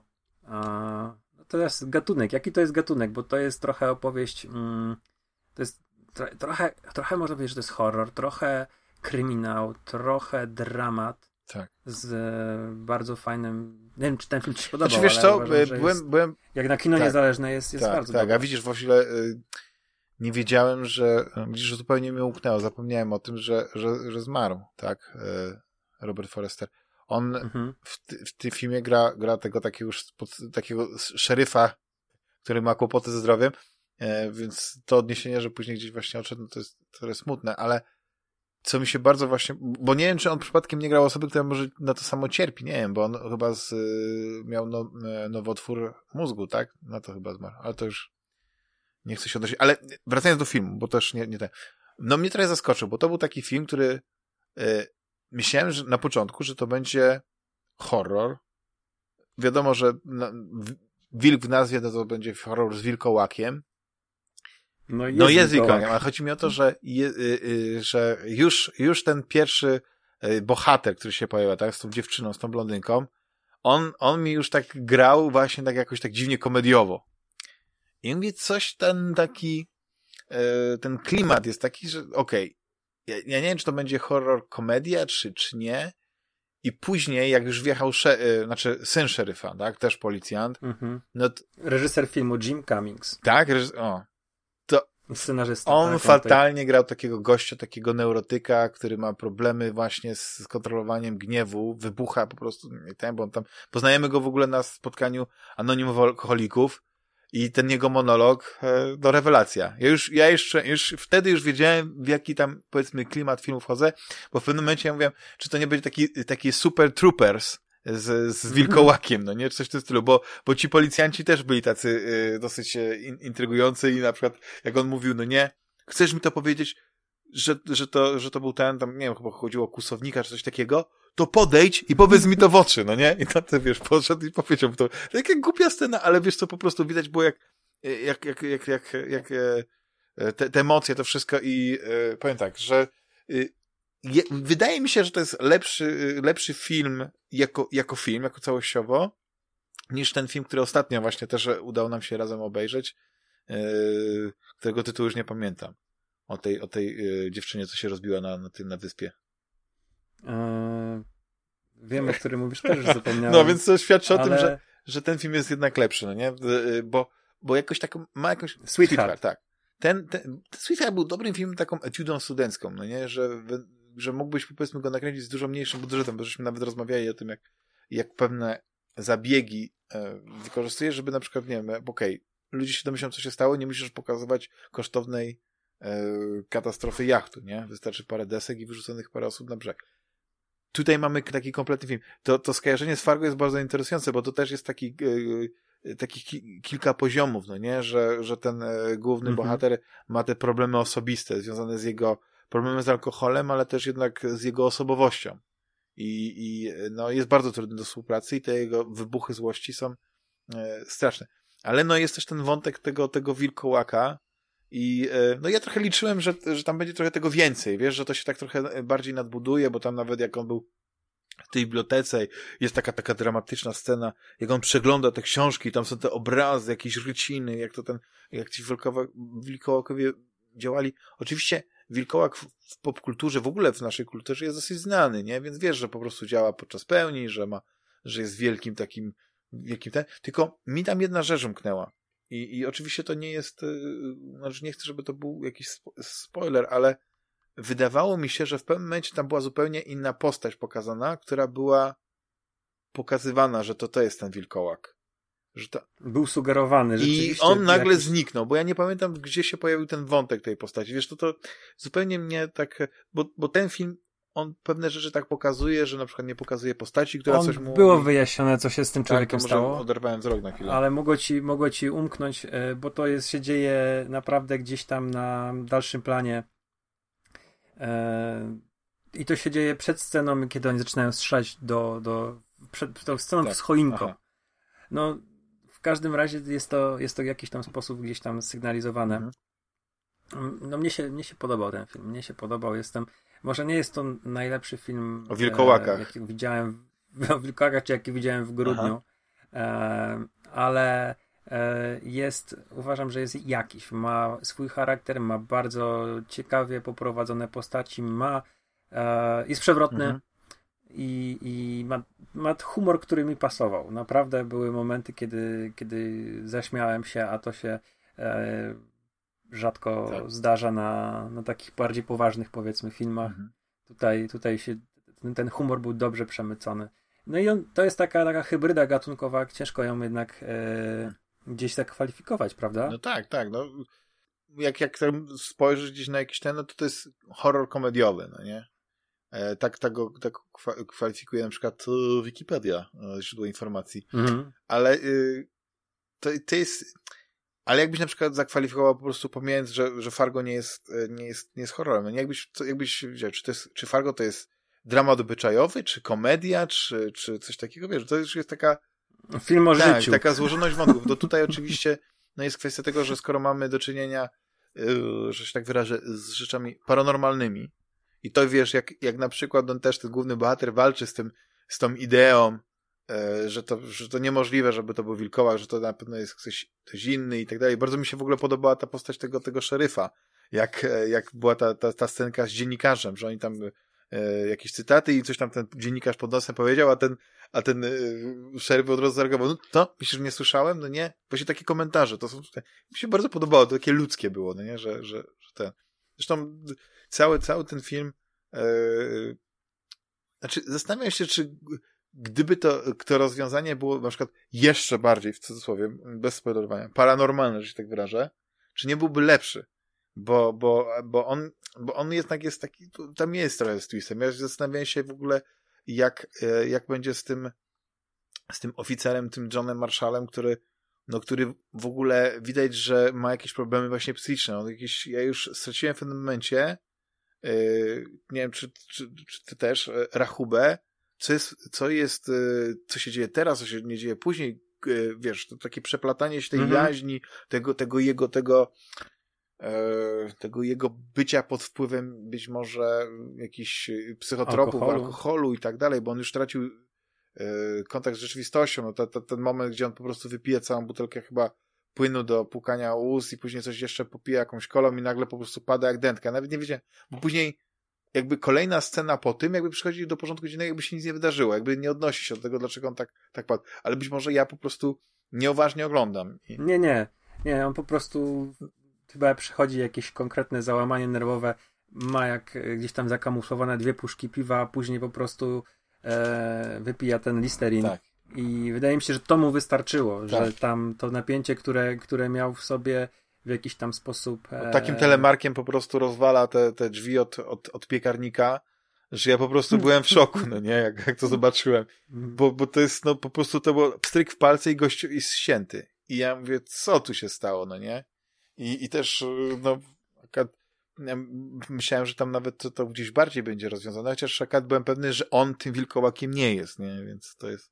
A ja miałem takie podejrzenie, że on może być tym tak? wilkołakiem. No my też takie Wiesz, zęby, tak... niektóre, tak, niektóre uśmiecha taki był, ale mi się wydaje, że po prostu on był w kilku takich sytuacjach, że jakby miał alibi, że się tak wyrażę. Nie? Że to gdzieś tam mhm. wychodziło. No. no i to jest, jeszcze tak y, żartowaliśmy sobie, ale to jest w pewien sposób świąteczny film, bo y, bardzo, no tak jak to Wilkołak jest i, i, i Likantropia, mhm. to Damian powiedział, że przy okazji pełni księżyca, więc mamy jeden cykl, który dzieje się akurat w grudniu, w święta, e, mamy choinkę, gdzieś tam mamy jakieś ozdoby. Oczywiście to jest jedna trzecia filmu, powiedzmy, dzieje się w tym grudniu, a finał mamy w nowym roku, akurat tuż przed północą. E, Tutaj jest lekkie naciągnięcie trochę, mhm. e, jeżeli chodzi o te fazy księżyca, ale wydaje mi się, że można to reżyserowi wybaczyć. E, I ja polecam, aczkolwiek to jest bardzo też specyficzne kino i, i myślę, że może wielu osobom podejść, a niektóre się zrażą, bo to jednak jest kino niezależne, niewielki budżet. E, ten aktor, ten chłopak tej pierwszej dziewczyny, która zginęła, to jest w ogóle youtuber. Tak jak sobie googlowałem jego, jego dokonania. Tak, jak się nazywa ten? Jimmy, Jimmy Tatro. I on ma e, swój kanał e, na YouTubie. Live According to Jimmy. Nawet sobie, wiesz co? Dokładnie. Ale widzisz, ja, ja, ja go goś kojarzyłem, ale ja go bardziej jednak kojarzę jako aktora. Ja zupełnie w ogóle nie kojarzę tego, tak? jego, jego serii internetowej, no nie? Więc... E, no widzisz, ja go, nie, ja go nie znam jako aktora. Gdzieś tam pewnie jakiś film widziałem z nim może, ale mm, po, po filmie... Po filmie A wiem, gdzie go widziałem. Follow, wiem, gdzie go widziałem e, i nie wiem, czy no. zgadniesz. No. American no, Vandal. On tam grał tego A. gościa, co rysował TT. I stąd wiedziałem, że go skądś kojarzę. A widzisz, to jest to. Okay. 2017, 2017, no trochę to minęło czasu, ale wiedziałem, że skądś tą twarz kojarzę, bo on ma taką, taką, takiego, tak, on potrafi świetnie zagrać takiego gościa, który jest takim, wiesz, nie chcę mówić, że półgłówkiem, no, tak, taki, no, ale taki, potrafi, taki, tak, chłopak roztropek. ten jego, jego para, para, powiedzmy, nie, nie dokument, ale pseudo-reality show, które, gdzie oni udają, grają postaci i on tam gra mechanika, który, e, mhm. no, który jest, no, półgłówkiem, no, no nie będę, to nie jest obraźliwe tak. wobec ludzi, tylko tam po prostu, no. No właśnie. Prze, prze, prze, no nic, jak, jak ktoś właśnie lubi taki, taki film typu slasher połączony z, z Super Troopers, właśnie z typu, trochę z Fargo i z, z wilkołakami, z wilkołakiem, to myślę, że, że to jest naprawdę fajny film. Tak mówisz, no, mhm. można go święta obejrzeć, że ja nadal uważam, że jednak świąteczne filmy to muszą być takie pełną gębą, jak na przykład Griswoldowie, nie? Czyli czyli e, Witaj Święty Mikołaju, czy no już nieśmiertelny, prawda, Home Alone, ale z drugiej strony e, ja bardzo lubię właśnie, jak tak mówisz, że, że wystarczy, że się film dzieje też po prostu w, w czasie świąt, że te święta nie muszą być wyeksponowane i też jest, też jest dobrze. Więc jakbyś go ocenił? Na przykład szklana pułapka. Tak, no szklana pułapka, tak, tak, tak. Jakbyś ocenił ten, e, tego wilka? The Wolf of... Uh, to jest dobry film dla mnie. Mm, nie wiem, czy mam jakąś wystawić ci ocenę Tak, po raz punktową? pierwszy właśnie będziemy wystawiać ocenę liczbową o e, skali od jednego ja do siedmiu. Dał... Od jednego do siedmiu? Cztery. To dałbym mu pięć. A, widzisz. Widzisz, to może ja też. Zmieniam w takim razie arbitralnie ocenę swoją na pięć i... E... Czyli e, pięć Mikołajów na siedem. Tak, i tym, tym e, naprawdę optymistycznym akcentem e, bardzo ci, Rafale, dziękuję za przesympatyczną ja rozmowę. No, długi nam wyszedł podcast, ale nie wiem, czy tam jeszcze nam coś zostało, żeby dorzucić do odcinka, ale myślę, że spokojnie możemy to zostawić do następnego. Ja postaram się mhm. właśnie być może właśnie też pograć tego cyberpunk, jak wyjdzie, może coś nadrobić więcej jakichś takich świątecznych filmów czy horrorów. To też będzie musiałem coś jeszcze podrzucić, polecić e, tam e, za kulisami. Jeszcze raz Ci bardzo, bardzo no to ja dziękuję. Ci polecam i słuchaczom polecam serię, którą Mando prowadzi od 10 lat. To jest Świąteczne horrory. Seria Dokładnie, najdłuższa podcastów seria, jaka jest w polskim internecie regularnie. Ale on, on, on właśnie, jedna zła jest rzecz, no po prostu za dużo tego, znaczy wiesz, no za dużo. Chodzi o to, że po prostu... No ponad 100 filmów grubo no, jest To, to trzeba właśnie pogadać, żeby zrobił takie top 10, takie, które trzeba obejrzeć. To będzie dla takich e, nubów jak ja. I później. A jest druga seria. Druga seria to robi Jerry z Szymasem i to jest The Best of. I oni mają chyba w tym roku plan na Necropolitanie zrobić trzecią część, ale zrobili dwie, dwie na pewno, gdzie omawiają te najlepsze filmy. Tak. Także też możecie znaleźć takie The Best of świątecznych horrorów. E, polecam. To jest. Y, masa chłamu omawiana, ale kupa śmiechu, jeżeli chodzi o te podcasty. Bardzo lubię. Jest Widzisz, ja, ja, ja, ja, jeśli chodzi o te ser. filmy takie kicze, no, no jak ktoś y, słucha mnie polecającego filmy bollywoodzkie, to myślę, że no, no, lubuje się takim chłamie, ale to jest to, że właśnie te filmy bollywoodzkie dla nas mogą być, prawda, takie chłamowate, a dla nich to, to jest rewelacja. Wiesz o co chodzi? Że to jest, że oni robią mm -hmm. to z, z, na, na 100% na poważnie. Jak u nich aktor, prawda, tańczącym krokiem odchodzi od płonącego budynku, który później eksploduje i on po prostu później gdzieś na tych jeszcze dochodzących płomieniach do niego odpala papierosa, ale fryzura nienagannie, wiesz, wszystko i ten krok i później wchodzi w taniec, to to jest normalne. To nam się wydaje, że to dziwnie wygląda. I, i właśnie ten. Ale dobrze jest taką mieć odskocznie, wiesz, to dobrze jest się tak oderwać e, od tej rzeczywistości i taki, taki, takie coś dziwnego czasami zobaczyć, więc e, jeszcze raz Ci, e, Rafale, za rozmowę dziękuję. Ja Tobie Dziękuję również. wszystkim e, naszym drogim słuchaczom. Pamiętajcie, że żeby słuchać Fantasmagierii, słuchać konglomeratu podcastowego, słuchać wszystkich podcastów e, polskich e, w internecie, jeśli macie po prostu na to czas. I co? I do, do usłyszenia. Być może jeszcze się uda coś właśnie przed świętami, jak nie, no to niedługo e, będą święta, będzie zapowiedź pewnie yy, Fantasmagierii roku, tylko właśnie zastanawiam się, czy w tym roku po prostu się odbędą. No ale to jest jeszcze kwestia do, do, do przemyślenia. Dziękuję i do usłyszenia. Hej. Cześć.